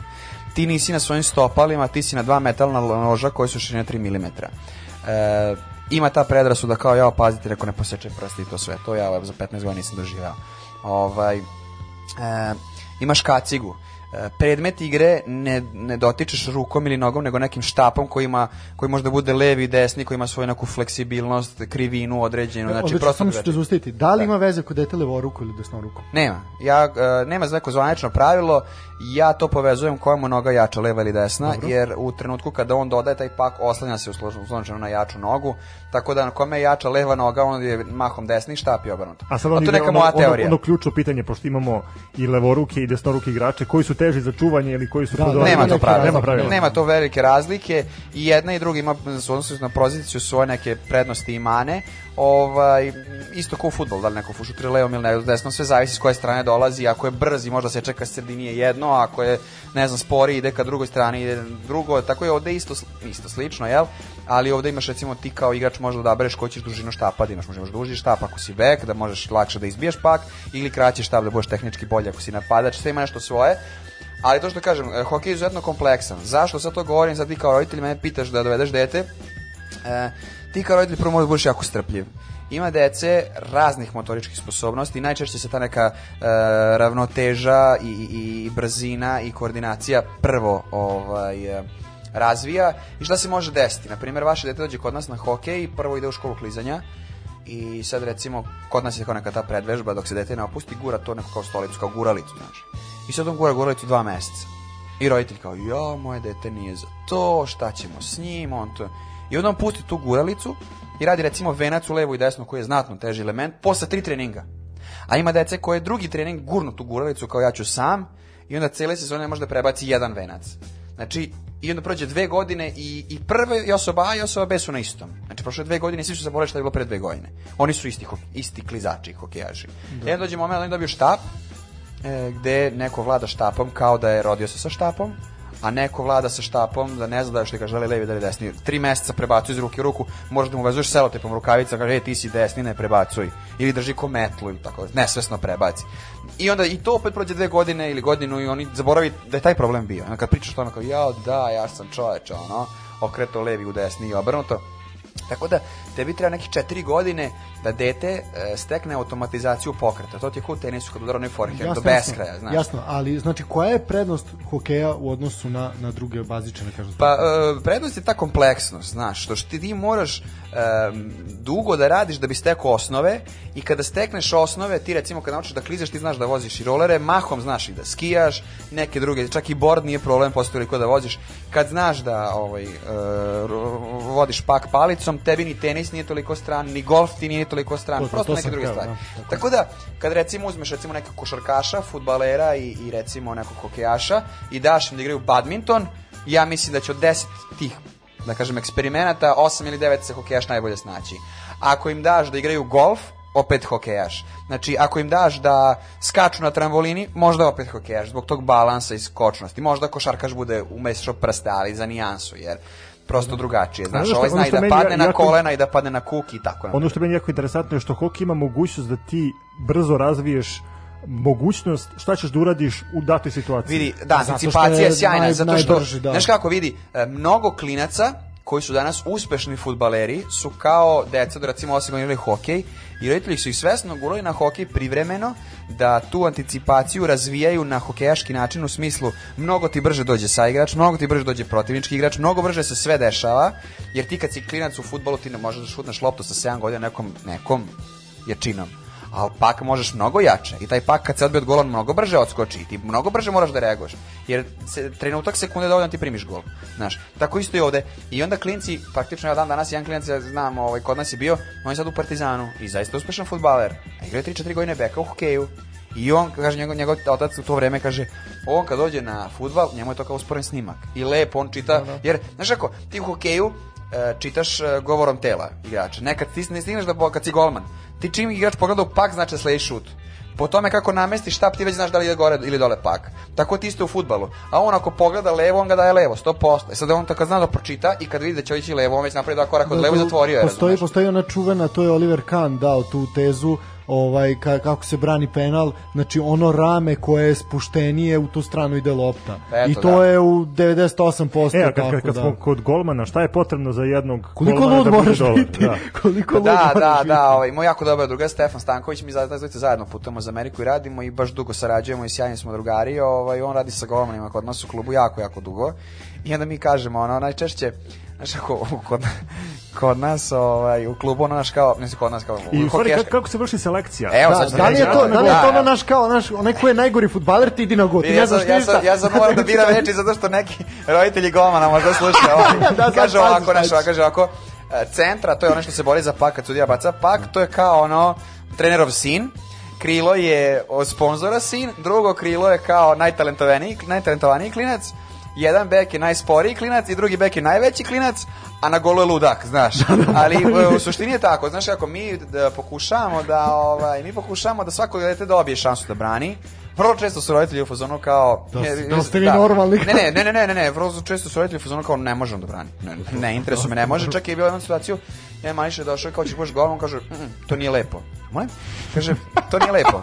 Šta nije lepo? Kaže, pa nije lepo baš golman. Ko je to rekao? Kaže, tata mi rekao da kao, samo kao naš, no, ne smeš baš golman. Znaš, no, E, ako, ako, ako si mu rekao, pošto je on golman, Da, ja, ja, e. nisam, ja samo rekreativno ovaj pozdrav Aha. za našeg drugara Desu koji je inače rukometni golman. Ja smatram da su oni tu negde približno ludi kao i hokejaši. Pa i to je, biti, znaš, da. ovi pravi pravi sa opremom, ovi bez opreme, znaš. Da. Ali imaš tu neke, znaš, ono, recimo, kod golmana e, imaš par nekih trikova, na primjer mi u hokeju što radimo kad su deca, napraviš fintu šuta, znaš, i on ako pokrije lice ili kreće se okreće Gotovo, leđima, da, automatski nije za to. Ako staje taj neki golmanski stav, kakav god on bio, znači da strah ne postoji, a to je neki prvi, prvo merilo da postaneš uslovnačeno, Osnova, jel? osnova, da. da nemaš strah. A onda drugo merilo da hoćeš. Imaš par klinaca koji hoće, pa ovaj vidiš da se boje, ali vremenom razviju to da se ne boje. Znaš, pružiš im šansu, znaš. Ima najčešće ono kao neko najlošiji klizač, aj ti ćeš da budeš golman, međutim to je nekad bilo, nažalost, danas taj golman, koliko god on ovaj, smaltene stoje u mestu, on tih nekih proklizavanja koje se najteže e, uče, najviše mora da radi. Znači to klizanje napred, nazad, kočiš levo, desno, to se navežba, ali proklizavanje se radi po osjećaju i to ako nemaš, ti praktično ispadaš vrlo često što si stariji, sve više ispadaš iz igre jer ako ne proklizaš kako treba u tim klizanjima. Da. Ovaj tako je, pa mislim mi smo na rukometu imali kako se rešavao problem i kako se vršila selekcija golmana, ovaj upravo to zbog tog straha i sve, znači isto tako, znači bukvalno se šutira namerno, namerno u glavu, u predeo glave, ovaj ne jako naravno, i vidiš kako će čovjek reagovati. Ako zažmuri, ako ne, ako postavi glavu, taj je pravi. Ako ide rukama da brani glavu, onda... Znaš kako ja sad razmišljam taj psihološki faktor kod golmana. Golman može da bude junak meča, a može da bude i osoba koji, koja će primiti najviše kritika. Pa A to vidi, tako znaš je, kako- da. I to je, hokeju i, i, to, I to je možda čar čar toga da budeš golman Uglavnom oni ljudi koji imaju treba, jer ti treba da. da. budeš psihički stabilan da bi da bi zaštitio gol Znam, i svoju ali, ekipu a, ovde kod nas je karakteristično, pazi ti u nekom seniorskom ovaj, pogonu, tebi, tebi pak može doleti 160 km na sat. Pazi, to je, nije uopšte zezancija. Govorimo o nekim svetskim rekordima, neke 100 km na sat svejedno je. Taj pak ima 500 grama, znači nije 4, 360, nije, nije ovaj, lagano. Drugo, a, ono što sam da kažem, e, ti kao golman u hokeju, ti si 80% ekipe. Znači, ti imaš 30, recimo, 5 do 40 utak, ovaj, udaraca u okvir gola, ti si, smiješ da primiš 2 do 3, to je neki prosek po utakmici. E, mnogo puta se desilo da je ekipa koja je bila ovaj, znatno bolja igrački, imala slabije golmana, gubila meč iz razloga što taj golman ako nije na nivou koji mora da bude, ti ne možeš ništa. Da, to je nepisano E, pravilo. Tako je, tako da je u principu hokejaški gol, evo recimo penali, puca se pet penala, jedan gol bude u svih 10 penala, taj jedan koji primi. U futbolu ti je jedna odbrana u 10 penala. Znači taj golman nema šta da izgubi, ako ga skine, hero je. A ovde je luzer ako ga primi, jer prosto taj odnos je mnogo drugačiji. U rukometu je možda negde između. Čak nije, možda ne znam koliko u rukometu se dodu. Što kad si rekao, ne znam koliko od tih sedmeraca, ne znam, pet kad mu baci, ja mislim da će ovaj primiti tri. Možda Pa, čak četiri. uglavnom, da, ono, znači dva- nije baš kao fudbal. uspeh, dva je da, uspeh od nije kao da. fudbal, ali nije ni ovaj, ovaj, u hokeju. Tako da je mnogo drugačije, pritom e, u savremenom hokeju, u NHL, na primer, e, statistički podatak, ako igrač izađe sam na šut, govorimo o situaciji e, kao u futbolu izađeš sam na golmana i golman ti izađe i skrati ugao. I praktično tebe, kako kažem, challenge izazivate da, da ga driblaš, gde ti moraš da imaš dobru fintu, e, veća ti je šansa da ga driblaš da daš gol, jer on ako izađe i tako se postavi, a ti šutneš, on u tom nekoj svojoj poziciji koji padne, pokrije 99,3% površine gola. Znači, tvoj, tvoja mogućnost je 0,7% da daš gol. Da. Ne postoji. I onda se sve svodi na uh, one-timer shot, odnosno na pas igraču koji šutira pak iz prve. To ne znam sad u kom to je recimo u rukometu cepere, naj sad da ti kažem. Ne, ne, ne, shvatam, Znači, mislim, jasno je. ti igraš igraču takav pas i to je najčešće lateralni pas sa jednog e, te, te strane gola na drugi, da golman ne stigne da se baci na drugu stranu i da golman udari tako iz prve da golman ne stigne da ga To je, I to je, za, to je za, da, za ove što sad jel, da, da shvate onom nekom najpoznatijom terminologijom, to vam je kao kad u pesu prođete na kvarno A, krilo, šablon, šablon, da, da, šablon, da. da, i vratite u Na peterac, peterac, i da, na da, peterac da. čovjeku prazan god daje. To, je- to je to u suštini. Da, ima- imali smo mi kralja šablona, ovaj. Ono što na mene isto zanima, pošto je hokej čujem po tim letećim izmenama, u kojim momentima se vrši izmena i kako golmana možemo da... da, da, da... Golman se ne menja, golman igra cijelu utakmicu. Jedino što je golman se e, primi pet komada, pa onda kao ga zamenimo. Da, zbog toga, Ovaj, a i- to je jedna varijanta, druga varijanta je što se često dešava u hokeju, što ljudi najčešće ne razumeju, igra se utakmica i jedan gol razlike. nekad dva, sve zavisi od protivnika. I onda treneri vrlo često izaberu da izvuku golmana napolje i umesto golmana ubace šestog igrača. I onda maltene igraju 6 na 5 sa protivnikom i ovaj, to je kao power play, kao 5 na 4 manje više, jel? I onda pokušavaju, to je kao očenički pokušaj da izjednačiš meč, da odeš u produžetke i onda posle toga vratiš golmana, jel? Maltene rizikuješ da primiš još jedan gol, izgubiš dva razlike, ali to ti ništa ne znači zato što u hokeju se broje pobede, gol razlika nije u fudbalu tako važna. Tako da to je vrlo često zašto uh, ono, ne znam, znamo i ljudi po kladionicama kao hoće dati sledeći gol, pa daće neko vodi jedan razlike, zato što će ovo izući golmana. Mnogo češće se to desi, jel? Tako i ovaj tako i ovo ovde, to je to je popularno, a što se tiče igre izmene igrača, hokej važi za izuzetno naporan sport zato što svaka ta izmena je gran, na granici između aerobnog i anaerobnog. Sad ne znam koliko se razumete u to, ali um, Objasni, objasni slobodno. da, anaerobno je kada da, e, telo radi sa, sa, sa kiselnikom koji je praktično u samom telu u organizmu, a, a, pardon, anaerobno. A aerobno je kada povlači kiselnik iz vazduha i kroz krv, jel, mišići dobijaju snagu. Znači, e, 45 sekundi, to je sprinterska disciplina 400 metara, recimo u atletici. Ona važi za najtežu plus 400 metara sa preponama, zato što su prepone još dodatno. Znači, to kažu da je teže od maratona, zato što e, svaki organizam ljudski neko radi, po, prelazi na aerobno sa nekim 38 sekundi određenog opterećenja, neko na 52. I onda neko ko uspe na aerobran način da istrači tu krug, taj krug od 400 400 metara je najčešće bolji. Tako isto ovde u hokeju. Znači najčešći igrač kada oseti taj zamor, a to je kada ostaje bazično Bez kiselnika, izlazi napolje i to ono kad izađeš na, na klupu si praktično bez daha. To je kao, ne znam, kamikaze u košarci što na treningu trči tamo nazad, tamo nazad, tamo nazad, ti 45 sekundi maltene nisi stao, izlaziš napolje, tebi treba recimo 30 sekundi da nadišeš da možeš ponovo da se vratiš. Jako redko se desi da u profi ligama bilo koji igrač duže bude od, ne znam, minut i 10 sekundi. Ono. Eto, to je to. Pa da, pa mislim zato i jeste hokej sport sa najvišim najvećim brojem izmena, mislim jel da. Tako. Pa da, to se izmene ne broje, to se menjaju, ono nekad se desi na 20-30 sekundi da se, Da, evo, da se stigla zameni. jedna samo poruka, sad ovako, znači, kaže, anaerobno, znači organizam troši laktate i drugi kisele metabolite u mišićnoj ćeliji, znači to je, to Eto, je to, to je to. eto. Dobro. Dobro, da. Znači, imamo i stručnog konsultanta. Ne, pa uvek, uvek, da, ovaj, tako da, dobro, u suštini to je to. Uh, povrede. Znači, Da, pa vidi ovako, da. šta su najčešće povrede?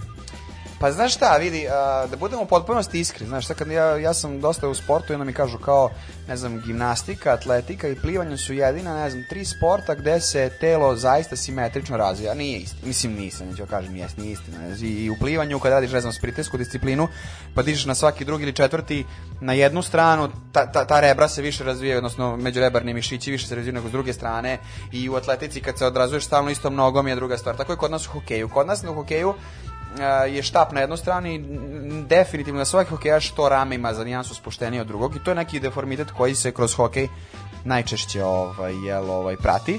Što se povreda tiče a, u nekom tom dečijem periodu gde su igrači zaštićeni ovaj, pravilima nema sad da kažeš tih nekih potresa mozga, prosto te, te, te, te, te neka duel igra je svedena na minimum. koja je najčešća povreda? Ha, najčešće povreda može biti neki prelom ruke ili noge.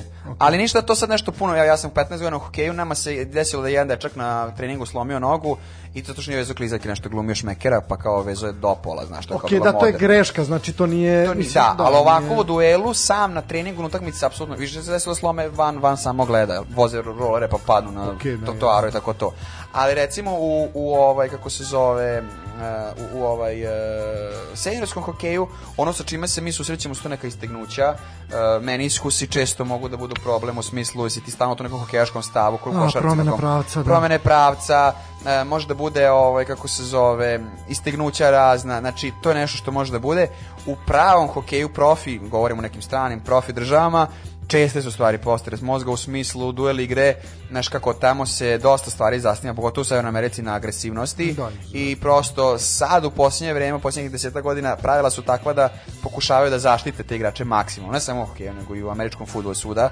Prosto ta bezbednost bude mnogo više. I sad- i sad je to mnogo bolje nego što je bilo ranije ali pre recimo 20 godina je sasvim normalno bilo da u jednoj ekipi kroz sezonu od 82 utakmice imaš 2-3 potresa mozga. Sada toga nema toliko jer su pravila drugačija. Ali kažem to je neka realnost mislim to, to, to se nažalost dešava jel? Evo dobili smo još jednu poruku.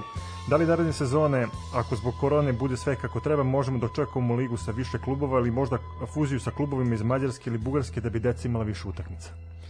A, pa to sad nije pitanje za mene, znate, to je ovaj, e, malo i do saveza, malo je i do, u stvari najviše do financija. Znate, na, lako ja mogu nazovem ljude iz Mađarske i Bugarske da se dogovorimo i igramo zajedničku ligu, ali na kraju krajeva roditelji su ti koji to sve plaćaju, znači taj neki finansijski plan mora se predstaviti roditeljima.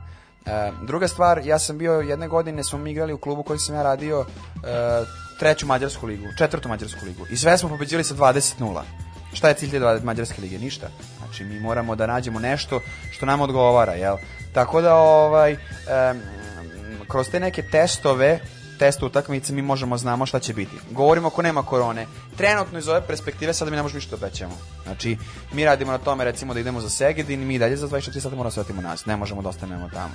I imamo decu koji igraju za mađarski Kiškoro, što neka 16 gde ima 5-6 igrača. Oni dalje otputuju neki Debrecin, putuju ceo dan tamo, odigraju, vraćaju se nazad. Ovaj, I dalje to su neki uslovi koji su nehumani nesportski totalno.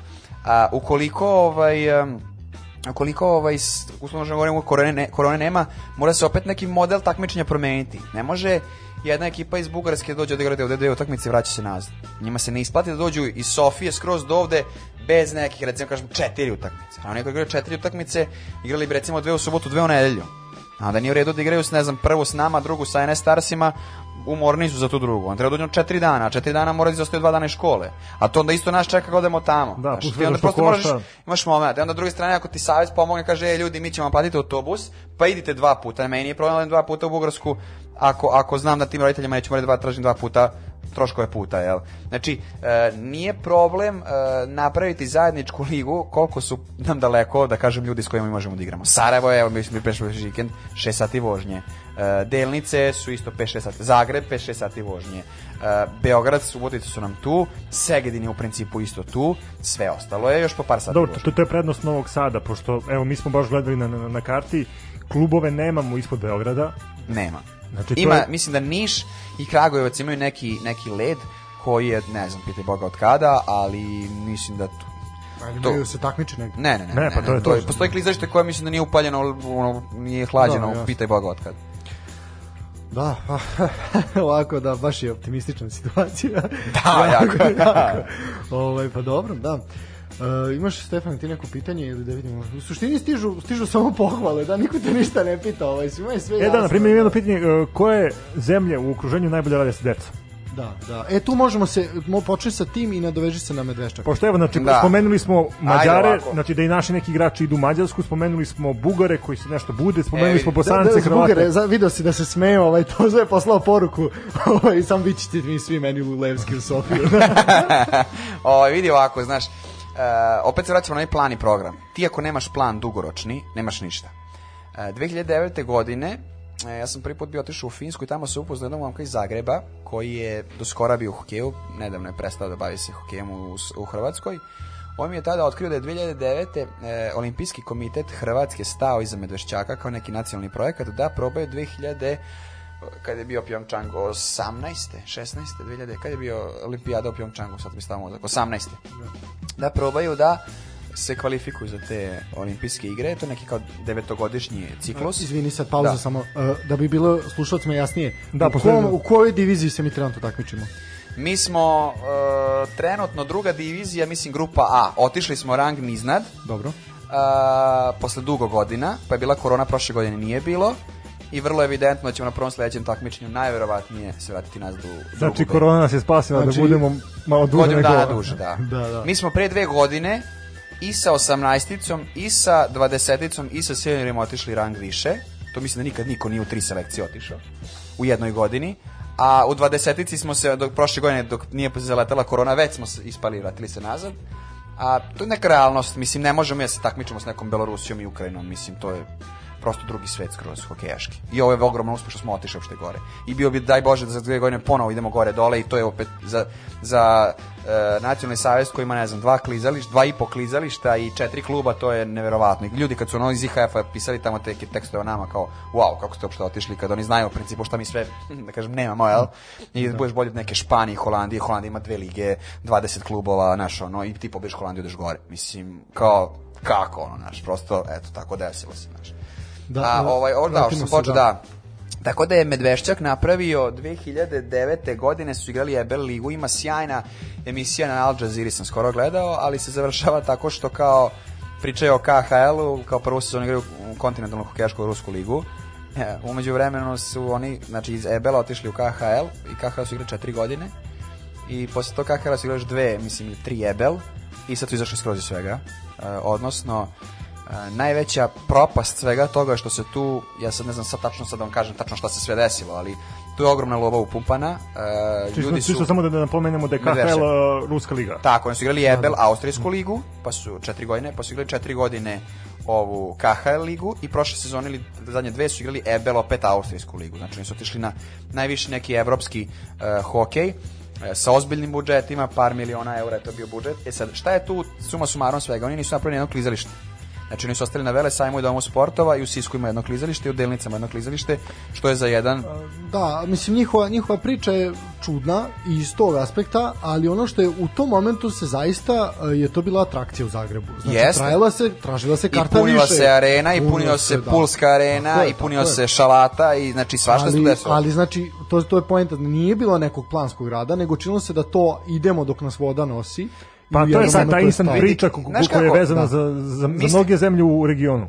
Ne, ne, ja- ne znam sad to 100%, nemojte me držati za reč. Mislim da je tu njima, uh, oni su konkurisali bili za KHL i Rusi su im rekli, ok, mi vam dajemo, imate budžet taj i taj, mi vam dajemo još toliko za četiri godine. I oni koliko su mogli da plivaju u tome, te četiri godine su Da. plivali. Kad je to ispumpalo, trebali su da stvore sami sebi budžet od grupe sponzora, zato što su im Rusi do tada davali, oni to nisu imali, morali su ispu- istupe iz toga. Mislim da je to neka najrealnija priča. Uh, pa vi u McDonald'su, tamo na trgu Bana Jelečić ima McDonald's koji je samo medvešćak, gde u svakom onom Happy Mealu dobiješ igrača medvešćaka iz neke sezone i ceo Zagreb je gledao te utakmice. Ja sam Ne, išao u to je arenu. zaista- da, zaista Ne, je to, to odličan marketinški Ali- potez i vidi ali- se da se radilo na, ali na, je bio, tu popularizaciji je bio sporta. taj, taj zapadnjački model kom se teži ovde na Balkanu, a to je znači da vi ide porodično se ide, znači idu baba, deda, vode unuke, sve i onda idu pa kupe šal, pa kupe ovo, pa kupe ono i tako i klub opstaje. Znam, ali evo sad ti kažeš to tog unuka. I sad taj unuk dođe u Medvešće i kaže ja ću treniram hokej. I oni kažu vidite ovako, mi imamo dece do, 100, do 10 godina 250. Vi možete se prijete, čeka se 4 meseca za opremu za vaš prvi trening, jer imaju dva klizališta. Da, da, da, Nemaju da, gde da da, treniraju. imaju. Jer, pazite, mi u Novom Sadu imamo dva kluba, pa se guramo. A oni tamo imali, ne znam, dva klizališta i četiri kluba, tri puta veće, tri puta veće nego naš. Pa onda ne mogu da odu u, ne znam, u Medvešćak, jer je puno odu u Zagreb ili u Mladost, tamo se ne čeka četiri i po meseca, tamo se čeka mesec dana. I šta ćeš da čekaš? Nećeš. E onda nemoj ići tamo, onda nemoj ići tamo. I sad su se oni posle 10 godina opet ispuvali su na nekom nivou za nijansu možda jačemo od nas. Ništa sad to budu spektakularno nije. E sad, da se tada napravi jedan trening centar Medvešćaku koji bi kasnije ili u terminima kad prvi tim ne trenira, trenirala neka deca, pa se renovirala, ne znam, ta šalata, da, stavili novi čileri, pa se napravila u, u opštinama oko Zagreba još po koje klizalište, to bi bila totalno druga priča. Sad imaš jedan Sisak koji je napravio klizalište koji ima cele godine led, ima bolje uslove od Zagrebačkog velesajma. I klinci u Sisku imaju bolje uslove za treniranje i mm, tamo ima dva kluba i isto treniraju, razumeš, nego tamo gde se ova tri kluba u Zagrebu guraju.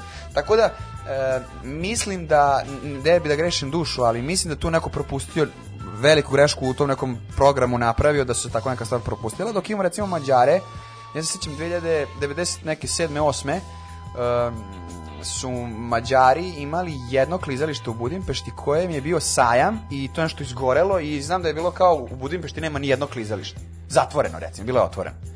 I onda su oni tu pravili neki projekat, doveli su neki kanadjane da im budu organizatori saveza i trenažnog programa. I organi ti kanadjani su pravili simpozijume i seminare za trenere. U međuvremenu kroz Evropsku uniju i te neke finansiranja su došli da od toga da maltene svako selo ima neku ledenu površinu. Ne možda hokejaških dimenzija, ali nešto gde možda se vrši obuka klizača i neklizača. I onda su oni došli do toga da sada jedna Mađarska, maltene u svakoj selekciji ima dve, tri ovaj, lige, gde u svakoj, e, svakom klubu imaš dva, tri zaposlena full time job trenera, gde imaju tog, e, kako se zove, e, sad mi stade mozak, Kanadjanja, nije bitno koji je e, direktor trenažnog programa zadnjih, ja sam s njim upoznao 2012, sad je 2021, znači 9 godina je u Mađarskoj, koji svaki klub obilazi, gleda šta rade, kako rade i oni mu daju, kako kažem, e, reporte svega šta rade i prosto, tako sistem. je, ali Mađari su, pored, ne znam, futbala, sad lupiću, vaterpola, rukometa, izabrali hokej kao četiri sporta koje će država da finansira u smislu kroz ta klizališta. Imaju pogodne cene leda, imaju klizalište, imaju ledsko matane cele sezone i to daje neki rezultat. Ali ni onog trenutka se nisu zaletali, iako su možda imali mogućnost, pazi, Budimpešta nije mali grad, što ne bi Budimpešta igrala neki ne znam sad, Ebel ili ne bi igrali Da. neki možda jednog dana KHL. Još su bliže. Nego Da, oni možda bi čak i da naprave neku, oni idu po- neku postepeno. ligu sa, sa Slovačkom. O, ne, češkim da, oni igraju sa Slovačkom, jednu bolja varijanta je recimo sa Slovačkom, lošije je malo sa Rumunijom i oni to utabavaju, utabavaju, utabavaju da prosto, uh, koliko sam ja to ukapirao, Medveštak imao jedan tim. Igrao je Ebel četiri godine. I sledeće godine se pojavio KHL, oni su taj jedan tim unapredili toliko koliko je mogu da budu ovaj, konkurenti tim KHL timove i otišli su u KHL. Ali nisu i dalje imali taj Ebel tim kao osnočno drugi tim koji igra. Da. To recimo ima jedna Jesenice, jedna Olimpija, Slovenačka. Znači oni imaju tim koji igra Slovenačku ligu ili Alpsku ligu i tim koji igra drugu Da, ligu. s tim da je to mislim, E. kultura hokeja u Sloveniji mnogo... Dobro, dobro, dobro. I sad ja mislim da uh, Mađari pokušavaju to, da recimo jedan lupam sad Mac iz Budimpešte ima ekipu koja igra Slovenačku ligu i njihova B ekipa, ekipa igra Rumunsku ligu, i tu njihovu zajedničku MOL ligu, kako se već zove. E, I hoće da pokušavaju postepeno da uvijek imaju neku backup varijantu da ako ovo se izjalovi, mi uvijek imamo nešto da ne, ne, ne padnemo da nemamo, da padamo tri ranga niže. Da, da, to je fora proreka, znači imamo tri ekipe, imamo ekipu posebnu koja će se Za boriti u za Ligi šampiona za našu ligu za Tako ozonu, je, da, to je to. je, da, tako. da. Evo Crvena zvezda, evo Crvena zvezda ima e, Crvena zvezda ima tim koji igra Slovenačku ligu i ima Red tim koji su momci koji nisu izborili e, mesto u prvom timu plus e, juniori do 20 godina, do 18 godina. I ovaj to je jedna ekipica koja uopšte nije loša. Oni da igraju recimo tu neku slovenačku ligu, ok, bili bi poslednji, ali bi bilo tu raz, razvijanja kroz to. Znači, ne bi bili baš truba da prime 20 komada, primali bi 7, 8 do 10, uz boljeg malo golovana možda i manje, ali bi ti klinci kroz sve to mogli da budu za par godina konkurentni za prvi tim. A s druge strane, imaš neku backup varijantu. Jer šta se desi? Ti recimo, tebi se desi u Zvezdi da si imao u svakoj selekciji po, ne znam, 20-30 klinaca dođu do seniora i brdo prestane nemaš partizan, nemaš gde da odeš, u taj red tim si izrastao, e, nisi dovoljno dobar za zvezdu, mi tu iz Vojvodine kao možda dođe neko kod nas ako hoće da dođe studira vamo tamo i nema treće opcije, jer nemaš treći tim. Razumeš? Tako da ovaj nije, to što kažeš proreku, nije uopšte nije ta loša varijanta, ali to opet traži lovu. Znači taj ti No, Slovenci da bi igrali financije, ligu, da. on mora da ima još budžet od 100.000 evra godišnje da to igra ono slovenačku smo ligu. pričali vezano isto i za, za futbol, da ima, dovodiš igrače koje možeš da, da, da, da, ovaj, da upotrebiš u, u evropskim takmičenjima, ali ne možeš da ih upotrebiš u domaćem prvenstvu jer ima ograničen broj Da, stranaca. da. e, kad smo kod stranaca, ovaj, E, eto, to je- to je znači, vrlo na, na, dobro pitanje. Da su eto na primjer Kanadjani dolazili u, u Mađarsku da mi imamo jel tako primer nekih stranaca koji su došli kod nas u reprezentaciju Da. kako su se oni uklopili i koliko su oni uticali na to da se razvije naš hokej Da, još samo jednu stvar ću se dodati. Imali smo tu situaciju, znači strance koji su dolazili da, i da igraju kod nas. Sećamo se u Partizanu, posljednje godine kad Partizan imao seniorski tim, imali su 3-4 Rusa koji su preko fondacije bili plaćeni sad neko dalje, tako dalje. Da, me, me, Ali- mene, zanima da. koliko njima isplativo da oni dođu Da. ovde. Zašto bi oni ovako, došli kod nas? Da, vidi ovako, ti reći jednu stvar. Um, ti u visoko razvijenim zemljama, govorimo recimo o Kanadi i Rusiji, igraš profi hokej, profesionalac za debelu lovu i to sve, imaš neku tu drugu ligu gde zarađuješ, uslovno čemu da kažem, mesečno 1002 eura, ili si što kažu kod nas termin igrač, ideš, plaćaš da igraš. I onda ti jednog trenutka, ako ti ispadneš iz tog nekog srednjeg nivoa na ovaj niži, ili počinješ da ispadaš, ti gledaš negde preko. Prošle godine recimo bila korona, meni se brdo igrača, pogotovo Rusa, za koje je bila zaključena Evropa, javilo dođu kod nas. Evo, platit ćemo da igramo. Samo da nas pustite da dođemo da igramo. Evo, imamo pet stranaca. Pritom nema ja ligu, mi, mi prošle godine nismo igrali Slovenačku ligu, ne možemo pređemo u Hrvatsku uopšte. Samo da dođem da budem ledo kod nas u selu, nema ni klizališta. I Otimali se dođu kod nas. Pra, 2005. 6. to što sam pričao da je bilo 6-7 godina svaka ekipa je e, imala ovaj pet stranaca mi smo imali Kanadjane koji su tada u tom trenutku recimo neku drugu švedsku ligu Mark igrao neku italijansku ligu oni su drugari bilo fazonu e ajdemo u Srbiju da igramo tamo čuli smo od par drugara da je tamo ok došli su da, Dvojica su se dobri oženili, ćevapi, lepe ože- žene, da. oženili srpkinjama, otišli nazad, jedan je ostao, Dobri treći. ćevapi, lepe da. žene, to. I onda su oni posle 4 godina dobili te papire, igrali su to svetsko prvenstvo 2000, to 9 je bilo i onda smo mi otišli taj neki rang više, jel? Ovaj, danas je recimo Mark uh, glavni za test robu u Baueru i pomaže nam oko opreme nama u Vojvodini. Uh, Dan je uh, trener u filijali Montreal Canadiensa, znači iz- izuzetno uspešan trener. Uh, Mare je, radi sa golmanima u Akademiji Winnipeg Jetsa, znači ima njih, kako se zove, ostali su to, Fred koji je prvi došao, on je uh, osnovao organizaciju Hockey Without Borders, odnosno ti kao momak u, u Kanadi ili Americi prijaviš se tamo i kažeš evo ja sam završio srednju školu ili fakultet, ja sam voljan da putujem godinu, dve, tako pošaljite me negde u neku, neku, neku zabit, Srbiju, ne znam, Makedoniju, Neko Indiju, rekao- ovo rekao ono, o tako je, da, ti dođeš ovde budeš bog u hokeju, igraš za stan i hranu i neke ćevape, jel? Odigraš sezonu dve, možda upoznaš neku žensku, malo izlaziš, vratiš se kući, za nas si ekstra, njemu je ekstra, on kad posle te dve godine se vrati kući, može da krene na ili na studij ili da počne da radi i počinjemo ozbiljan život.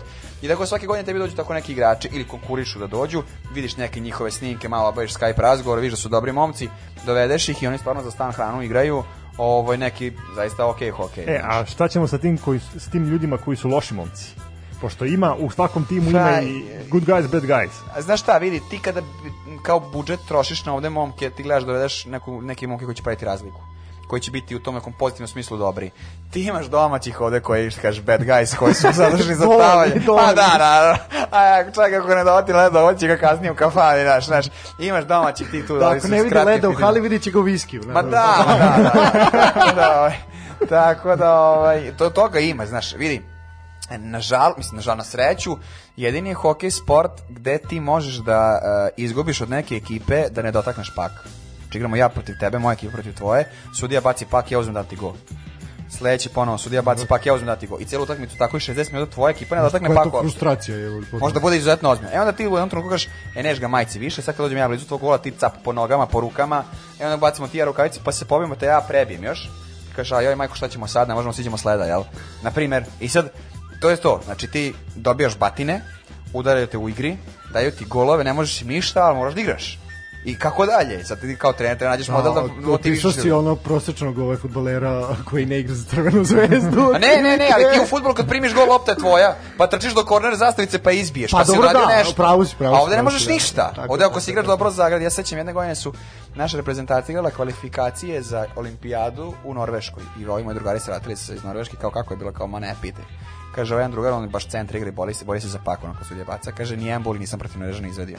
Kaže, neki bucko bio protiv mene, kako ja stavim štab, stavi, on samo iz globa ga, trp, trp, ne mogu uopšte da ukapiram šta on uradi da ja udarim kontru. I- igra je stolni fudbal. Da, buka je ko roštilja, roštilja, ga i ćao. I vrate mili, znaš, nema tu. I onda ono kao, kako, znaš, i onda vidiš koliko tih nekih sitnih stvari ti reši, ti ne primetiš šta se u stvari desilo, jel? Samo misliš da nemaš paki i da ga juriš, razumeš? Tako da, umeo da bude nezgodno kad ideš protiv i jačih i boljih.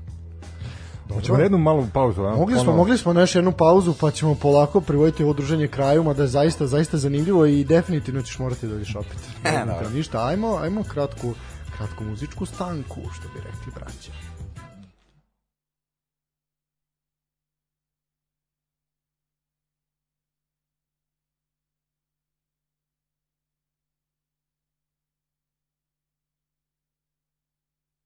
Ne puštaj ni glasa, ja ću na to složit tercu, prosi dok ne pristaneš. Ja ću pozvati ljude, ti se pobrini o vinu, prvi sva da nema pjesme, samo terca na tišinu, samo terca na tišinu.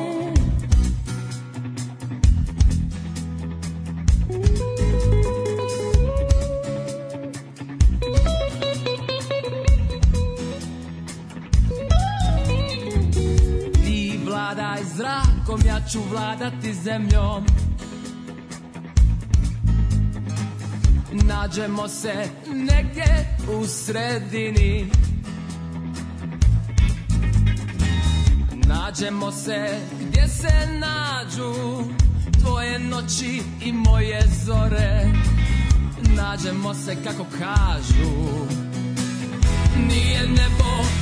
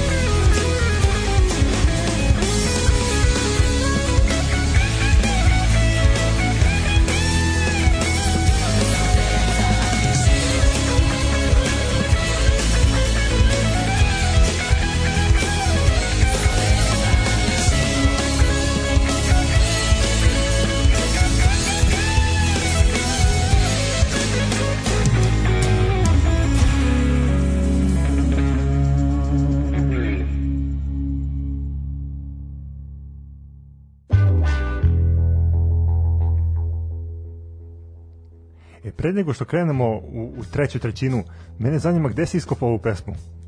A, ne biste verovali za ovom grupom, znači u pitanju je grupa Silente, ovaj, to su naši jel, ovaj, bratski, bratski ovaj, komšije su u pitanju, ajde, da tako se izrazim. Neki bugari ponovo? Nisu bugari, nisu bugari, tozo nisu bugari, ne brini. Ovaj, u pitanju su, u pitanju su ovaj, Hrvati i zapravo to je miks, nisu oni svi Hrvati, tu malo ima Bosanac, ali tu je naši su svi. Ovaj, što bi rekli ovi iz Nije, naša, našli smo. da, ovaj, dobri su i za njima vlade neverovatno interesovanje u Hrvatskoj. Zašto? Nemam pojma. Ovaj, meni su deluju korektni. Ovo im je najpoznatija pesma koju imaju, ali eto, malo ćemo ih Ne, istražiti. ja moram, moram da pohvalim ovaj. E, dobar izbor Pa muzike da, bio? Da, ovaj put, Ve- ovaj večeras put, smo se rotirali, ja Da. sam ovaj bio na tvojom mestu, a ti si preuzeo. Da, on je bio onaj koji pametuje, a ja sam puštao muziku, to je da je, obično bude kontra. Ništa, ajde da ovaj da da, da, samo se da ti počneš da se smeješ u programu, a ne ja Pa dobro, i bi- biće i toga. Ovaj obećavam u narednim epizodama. I baci seksi fazon. Mora Pa da. Uh, ali to kad komentarišemo ovaj našu Linglom Superligu. Ništa, da se vratimo na, na, na Vladana. E, Eto, Vladan, ti si imao prilike da, da radiš u Americi. Bio si na nekoj mini turneji. Ovaj, bio si prvo na, na, u kampu, tako, tu si krenuo u Finskoj, pa si onda ovaj, otišao eto, Da, preko sad okeana. pitanje, pitanje kad te neko postavlja za u Americi sve, da li je McDonald's bolji nego kod nas? To ga zanima. I Coca-Cola. Coca-Cola, da. Coca-Cola jeste puno bolja, ovaj, a McDonald's, a ako ćeš iskreno ti kažem, nikad nisam imao McDonald's tamo, zato što ga imam ovde, jedem sve ove druge stvari tamo. Ništa, ješćemo u Hrvatskoj, u Zagrebu, ovaj, Da. u McDonald'su čako, dobijemo. budeš čako, da dobijemo, pa ćemo ti doneti. E, može, ovaj, pa da, ovaj, znaš kako to sve počelo, ovaj, ti u Finskoj imaš kao neki IHF-ov development program uh, gde iz, ljudi iz sveta odlaze ovaj, da mm, uslovno rečeno uče neke tamo stvari, prave neke projekte i ja sam 2009. i 2014. bio tamo i radio sam neki program, u tom trenutku za um, omasovljavanje ženskog hokeja, s tim što sam ja gledao to kroz prizmu našeg srpskog hokeja gde nema potrebe samo ženski, treba generalno se hokej omasovljuje i to sam ovaj, prezentovao na kraju tog seminara od 8 dana i ženi koja radi u Koreanskom savezu se to mnogo dopalo, oni su radili neki kao e, e, isto kao neku promociju hokeja u tom nekom smislu, u nekom četvorogodišnjem olimpijskom ciklusu iz razloga što je bilo 2014. a 2018. je bio, bila olimpijada u Pyeongchangu i oni su hteli da iskoriste taj moment ukoliko dođu sve NHL zvezde da, da iskoriste da deci, decu ubace na neke testove da ovaj, iz toga regrutuju klince hokejaše i da na nekih narednih 15 godina dobiju neki rezultat plod kao tih olimpijskih igara. I to što sam ja tad bio iz svoje neke glave pokušavao da napravim i u principu se ispostavilo izuzetno dobro.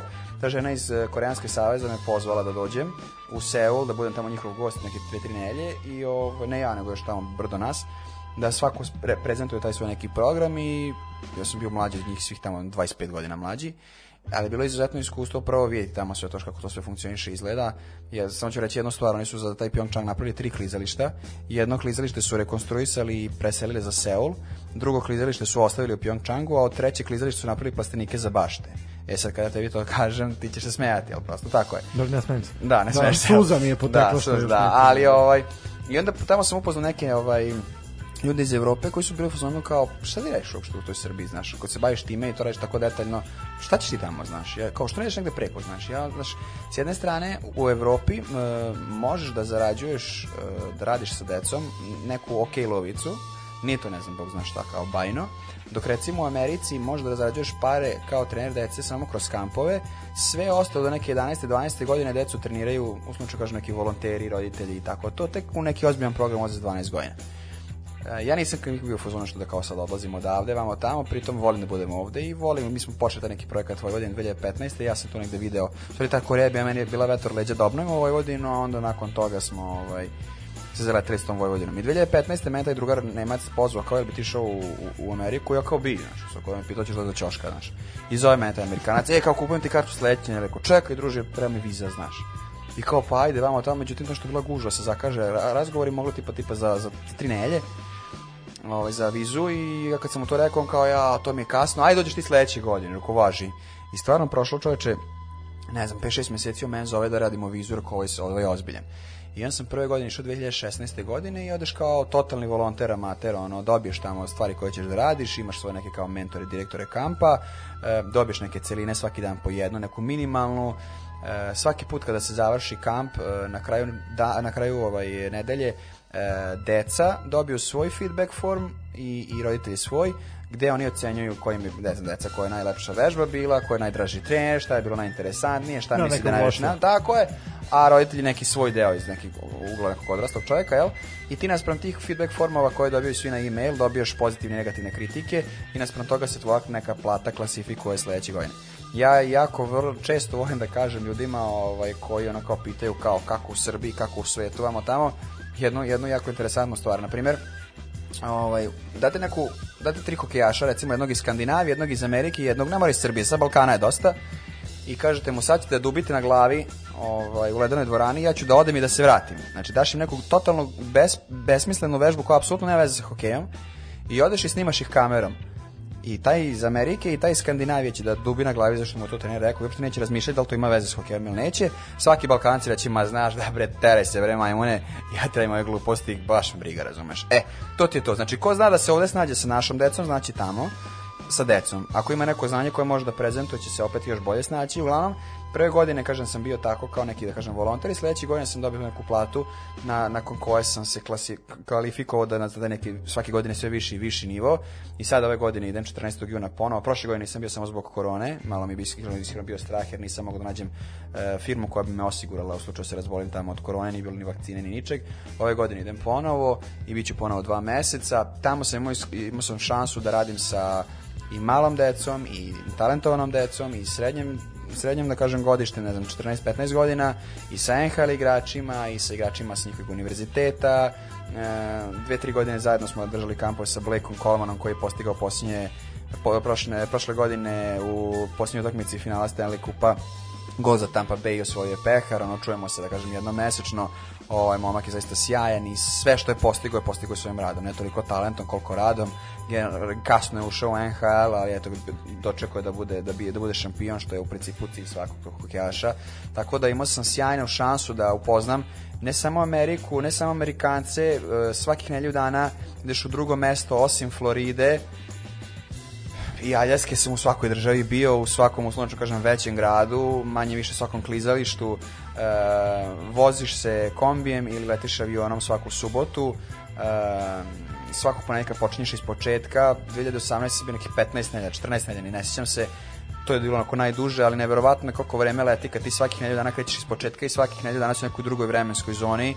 Jedne godine je bilo, sećam se, karakteristično, bili smo, ovaj, bili smo smešteni u Illinois državi, a kamp je bio u ovaj, um, Indijani koja se graniče, jel? I sad to mesto jedno do drugog je bilo neki pola sata vožnja, ali oni su sat vremena razlike i onda je bilo, ne znam, smešno, ustajemo, ne znam, u pet ujutru vozimo se pola sata i stižemo u, ne znam, u 6.30, a onda krećemo nazad, krećemo, ne znam, u 4 i vozimo se pola sata i stižemo u 3.30. Nelju dana pakla, ono, jedva smo se os- ono, povratili posle tih vremenskih razlika. Tako da svašta, zaista, nikad nisam verovao koliko Rusa živi u Americi, dok se tamo nisam video, nikad nisam bio svestan koliko ima Španaca, Meksikanaca, Italijana, po raznim porodicama smo mi tamo spavali, upoznali razne ljude. Tamo je prestiž da ugostiš trenera koji vodi kamp. Kad dođeš tamo, recimo neku južnu Dakotu koja je jedna ravnica još ravnija od Vojvodine, Beče za tamo bilo koje mesto u, u, u, ovaj, u, Be- u južnoj Dakoti bez nekog, da kažem, omalovažavanja Beče je Velegrad, znači stvarno su sve mala mesta i onda dođe tamo kad porodica kaže "E, vodimo te vidimo Mountain Rushmore kao važi ono da stvarno ono kamenčina velika i četiri predsednika gore, onda te sutradan vode da te vode kroz neku kao grizzly šumu, u stvari te voze kroz kolima, oko tebe su medvedi onako mašti na staklo, ne da bože otvoriš prozor. To ima i u ostaćeš bez Bosni, ruke. ne veze. Da, da, samo su možda malo mirniji. ali kažem, znaš, i svašta vidiš. Dođe ovde na fakultet posle. Da, da, da. Posle parka. Tako da ovaj, svašta vidiš, izuzetno iskustvo i hokejaško i ovako da kažem ovaj, turističko, jel? Tako da ono radujem se tom nekom odlasku. Meni iskreno prija malo, malo ovde kad ljudi što se radiš s ljudima ovde i sa, sa decom našom, dođe jednog momenta do nekog zasićenja i taj neki restart, refresh od tih nekih meseci i po dva tamo mi mnogo prija da se vratim nazad sa nekim entuzijazmom da radim. Pa pazi, ja verujem da, da moraš nekako da napreduješ sebe, da. ovaj, da je to tebi bila stepenik više ka, ka tvojoj nekoj uh, daljoj karijeri. Mene zanima, eto, imao si prilike da, da radiš u Washington Capitalsima, kako raditi u nekom NHL klubu. Pa da, ja nisam, kako- da, ja nisam radio baš u kampu, ja sam radio u njihovoj areni i bio sam prisutan na treninzima, mi smo držali kamp u principu pre i posle njihovih treninga, ali sam vidio šta se ja, radi. ja, da. ja, to, ja to poređujem sa time da, da ono što je ranije pričao jedan futbalski ovaj trener koji je govorio da da neki ljudi plate ulaznicu da bi gledali nekog velikog fudbalera, E, pa da, a ti imaš da, mogućnost tako je, da, da tako kao je, klinac tako gledaš, je. kako oni treniraju. Vidi, ovaj, e, sjajna je stvar to bila, ja sam, znaš kako tamo to funkcioniše, ti kada dobiješ dobre feedbackove, sledeće godine vrlo verovatno vodiš taj isti kamp i onda ako opet dobiješ dobre feedbackove, sledeće godine sigurno ne vodiš da se ne bi desilo da isti trener, pošto nisam, zaboravio sam da kažem, ta planet hokej organizacija u jednoj nedelji ima šest različitih lokacija gde drži treninge a, gde drži kampove. I onda je, recimo, ako sam ja dve nedelje recimo na istočnoj obali, dru, posle druge nedelje sigurno letim na centralnu ili zapadnu Ameriku, budem tamo na nedelju dve, pa se onda opet vraćam iz razloga da ne bi ovaj radio stalno sa istim instruktorima jel dođe do nekog zasićenja posle dve nedelje prosto taj naš gazda nas drži stalno u tom nekom tuningu da moraš stalno da, da, da, da ispravljaš greške.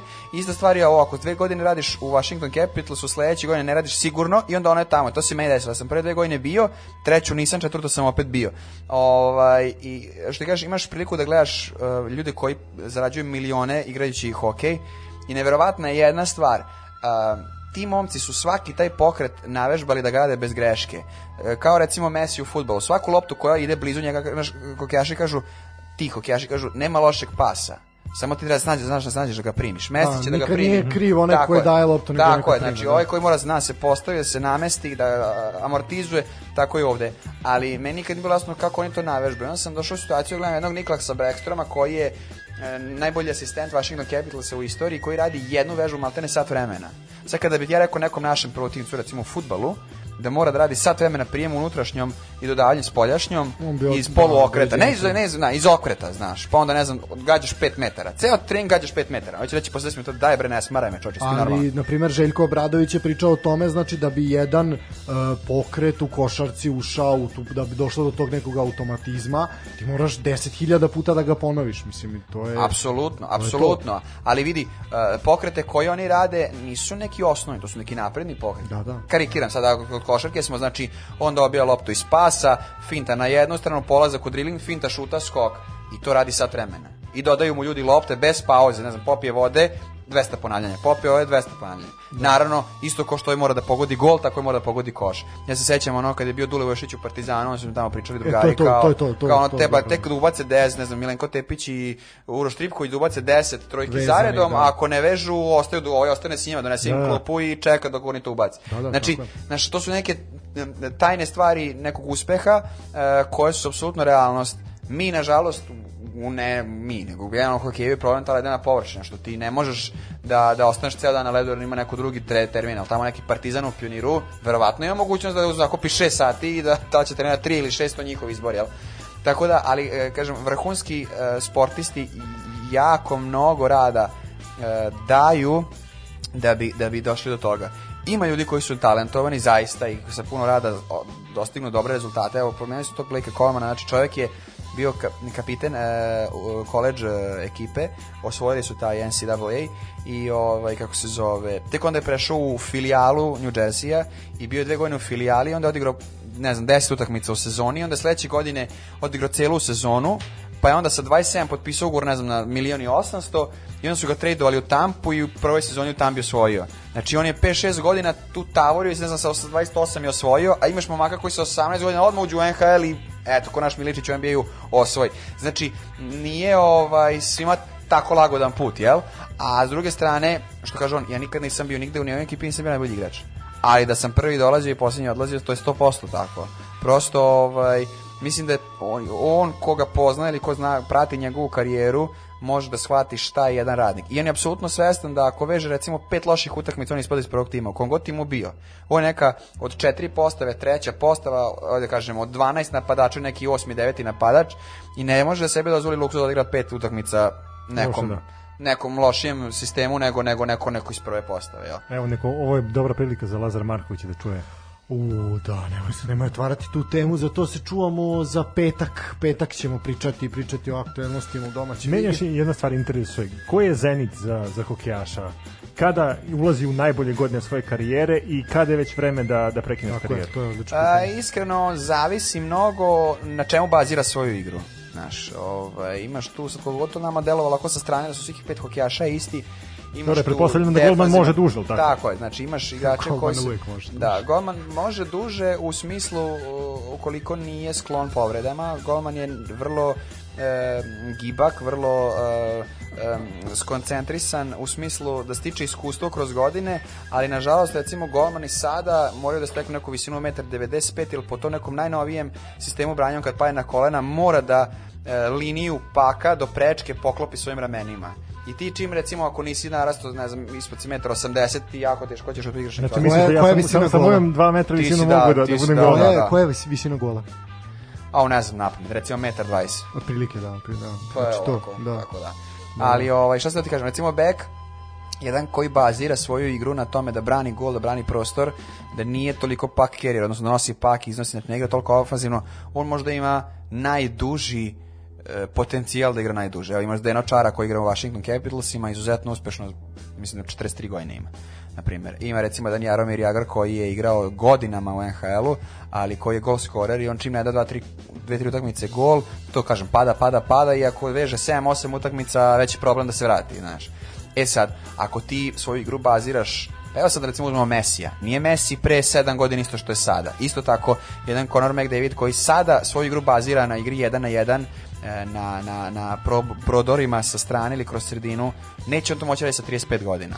Ali imamo recimo jednog, eto tog Backstroma, kog sam malo pre pomenuo, koji je najbolji asistent lige, on e, svo vreme imate utisak da se, kako se kaže, glajdu, da klizi po ledu, lagano se vozika, deli pasove, čim je blizu duela on da pas, da izbegne duel i on će on zna da igra, igra lukavo, on će moći da igra do 39. godine, 40. ja mislim lagano u, u NHL-u. Tako da zavisi na čemu se bazira ovaj e, igra, ali generalno mislim da hokejaške najbolje godine su recimo od 28. do 34. 5. U, pa to je, to je baš dug, dug staž. Malo je, da, malo je, malo je, malo je Ako, pomerenije. ako, ako krenemo da, da, da gledamo, na primjer, da krenu sad, sad ne znam, 5-6 godina da treniraju. Kako? Sa 5-6 godina da treniraju. Dobro. I sad dostigne neki zenica, ne znam, 28-30. Da, to je baš dosta. Mislim, velike šanse da se zasite.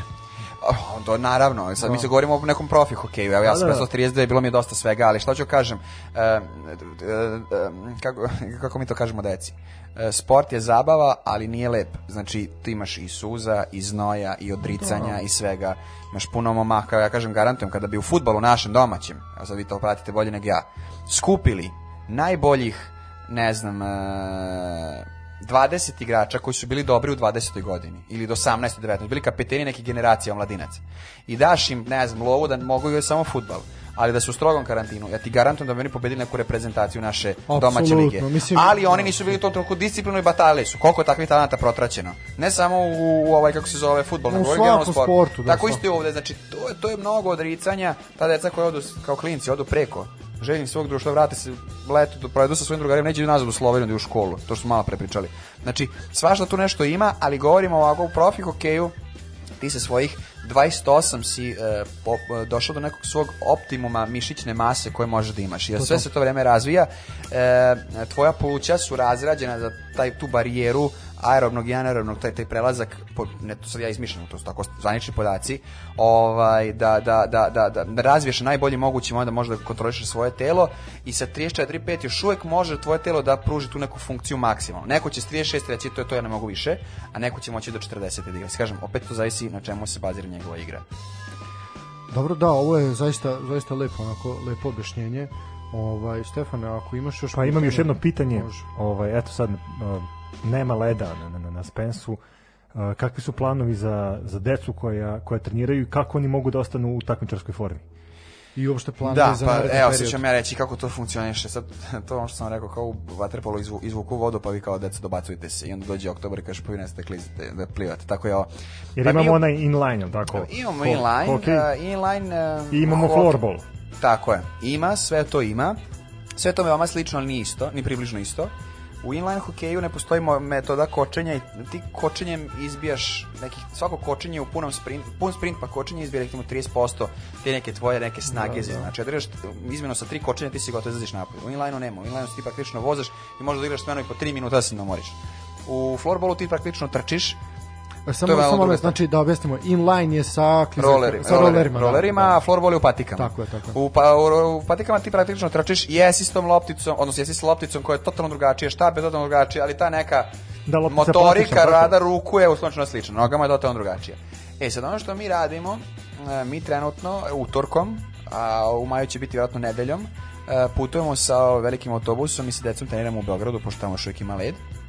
E, deca treniraju e, subotom na rolerima na keju, e, gde ti kroz e, motoričke pokrete rolanja pokušavaš da oslikaš nešto što tebe čeka u klizanju i razvijaš njihove te mišićne snopove u smislu možda trčiš preko leta koliko hoćeš i sutra kad staneš na led tebi će drugi deo kvadricepsa i gluteosa da bude upaljen zato što to nije, taj, taj deo mišića nije Da, ne radio. pogađa se to. Tako je. I onda prosto probamo da rolamo s njima jer oni su još uvijek, pogotovo deca u fazi razvijanja, oni te stvari moraju da razvijaju. Imamo četvrtkom stick handling trening sa momcima koji igraju za prvi tim koji su iz Švedske, e, sa drvenim lopticama gde se radi samo kontrola, ta loptica je težine paka, okrugla je da može da se kotrlja, a najbolje oslikava kontrolu paka sutra na ledu. Tako da oni rade tu kontrolu paka. E, Ovaj, pošto bazen trenutno u Novom Sadu maltene ne postoji, tu imali smo nekad ranije treningi na bazenu i plan da imamo jednog Da, dana velika ponovo. sramota Spence trenutno nema. Da, sad ne bi o tome, ali da, da. mislim, ne znam što da kažem, ali ovaj, e, imamo kao neku zamenu je judo, gde deca e, idu, naša deca idu u judo klub, mislim se zove Slavija, gore na Spensu, sa trenerima iz tog kluba, gde smo ostvarili saradnju da naše deca polažu taj neki početnički kako da kažem, ovaj model judoa Dobro, da nauče zanimljivo, da da. nauče pad, da nauče duel igru. Vidite, u hokeju je e, direktna igra. Znači, u hokeju nema varanja. Ti u hokeju ako varaš, ti si skupio, sigurno. Šta god radio. Ti u, u futbalu možda staneš na loptu, u košarci možda zagrliš loptu i čekaš koliko tamo sudija svira onaj cilindar, 7 sekundi, 6 sekundi ili 24 sekunde. Uvatiš loptu i to je to. Ti u hokeju nemaš načina osim nekim građenjem da zadržiš pak. Čak i ako se ne zagradiš dobro, doći drugi izbiće ti pak. Jer ti nijednog trenutka ne Da, možeš nema da stisneš zabušavanja, pak. nema zabušavanja, I da. to je neke stvari u judo su sjajne zato što mislim da kroz tu duel igru deca mnogo mogu da nauče. Ne sad da će on ne znam judo pokretom da prevare nekog na hokeju, nego da zna kako se snađe kad je u problemu. Tako da ovaj to pokušavamo da forsiramo da deca mimo samog hokeja probaju neke druge stvari. Ono što planiramo preko leta, e, moj prijatelj i ja zajedno radimo kampovanje ovaj godinama unazad mesto Panonija kod, kod e, Bačke Topole. Deca budu 7 dana u šatorima, bez mobilnih telefona, bez tableta, imaju orijentiringe, takmičenja, obuku plivača, neplivača, spašavanja na vodi, poligone na vodi u čamcima, prosto jedan vid aktivnosti fantastičan. E, mimo toga, plan je da ili u Seged ili Sarajevo, zavisi od cene leda, odemo u nekom trenutku krajem avgusta, neki 7-8 dana, neke mini, pri, ba, mini pripreme, ali e, mini kamp, na kažem, neko ponavljanje nekog gradiva od prošle sezone i priprema za sledeću sezonu i onda tamo se nadamo 1. oktobra će biti već led, septembar već deca kreću u školu, to bi opet, na kažem, na, na, nadomesti nekim odlascima za Beograd, pošto načelno je plan da Beograd ima led od 1. septembra i ovaj, kako se zove, i onda ovaj, u 1. oktobra krećemo ovde pun gas. To je neki načelno plan. Ništa, mislim da je, da je, da vreme već da, da zatvorimo misiju. Da, pa ono obično obično imamo neku moralnu poruku za kraj. E, ovaj put pa nije moralna poruka, ali recimo da je posveta.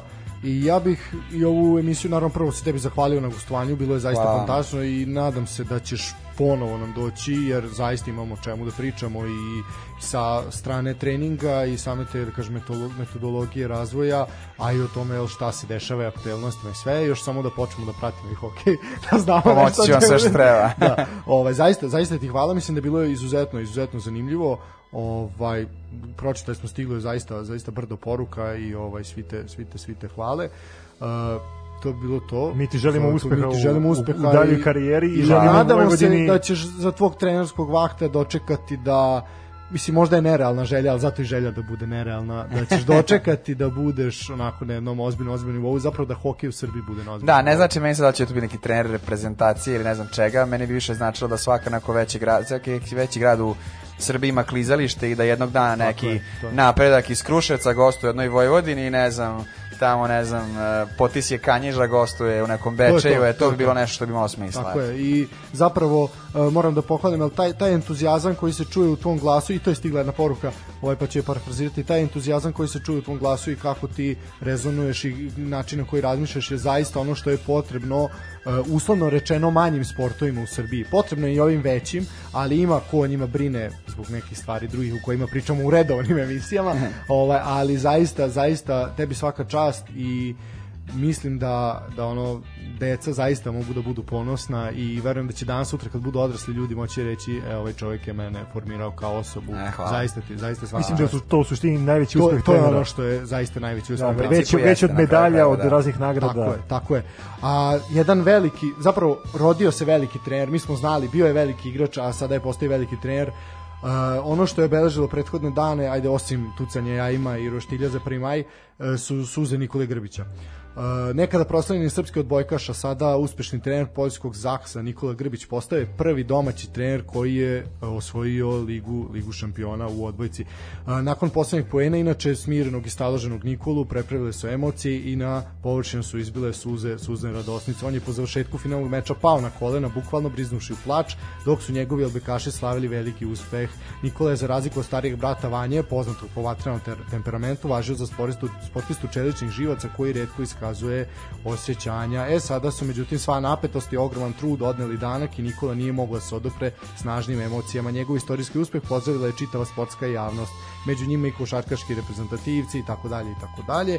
Pa ćemo i mi ovaj put pozdraviti. Znači, zaista je mlađi Grbić pokazao zašto vodimo sport i to je ovo što sam Oni su sad važili dao. za outsider u četvrtfinalu već, njih su svi je, da. otpisali i Da, na kraju su i mislim, na je- kraju su je- na je kraju Italijane su tukli koji su zaista bili Tako je. favoriti. Uh, on je bio jedan od istinskih heroja i tvog detinjstva i našeg Naravno, detinjstva i ono ne. večiti večiti kap, e, š- kapiten i šampion i potpuno je mi ovde stalno komentarišemo te izja, ovaj izlive emocija trenera Stankovića, Lalatovića i tako dalje.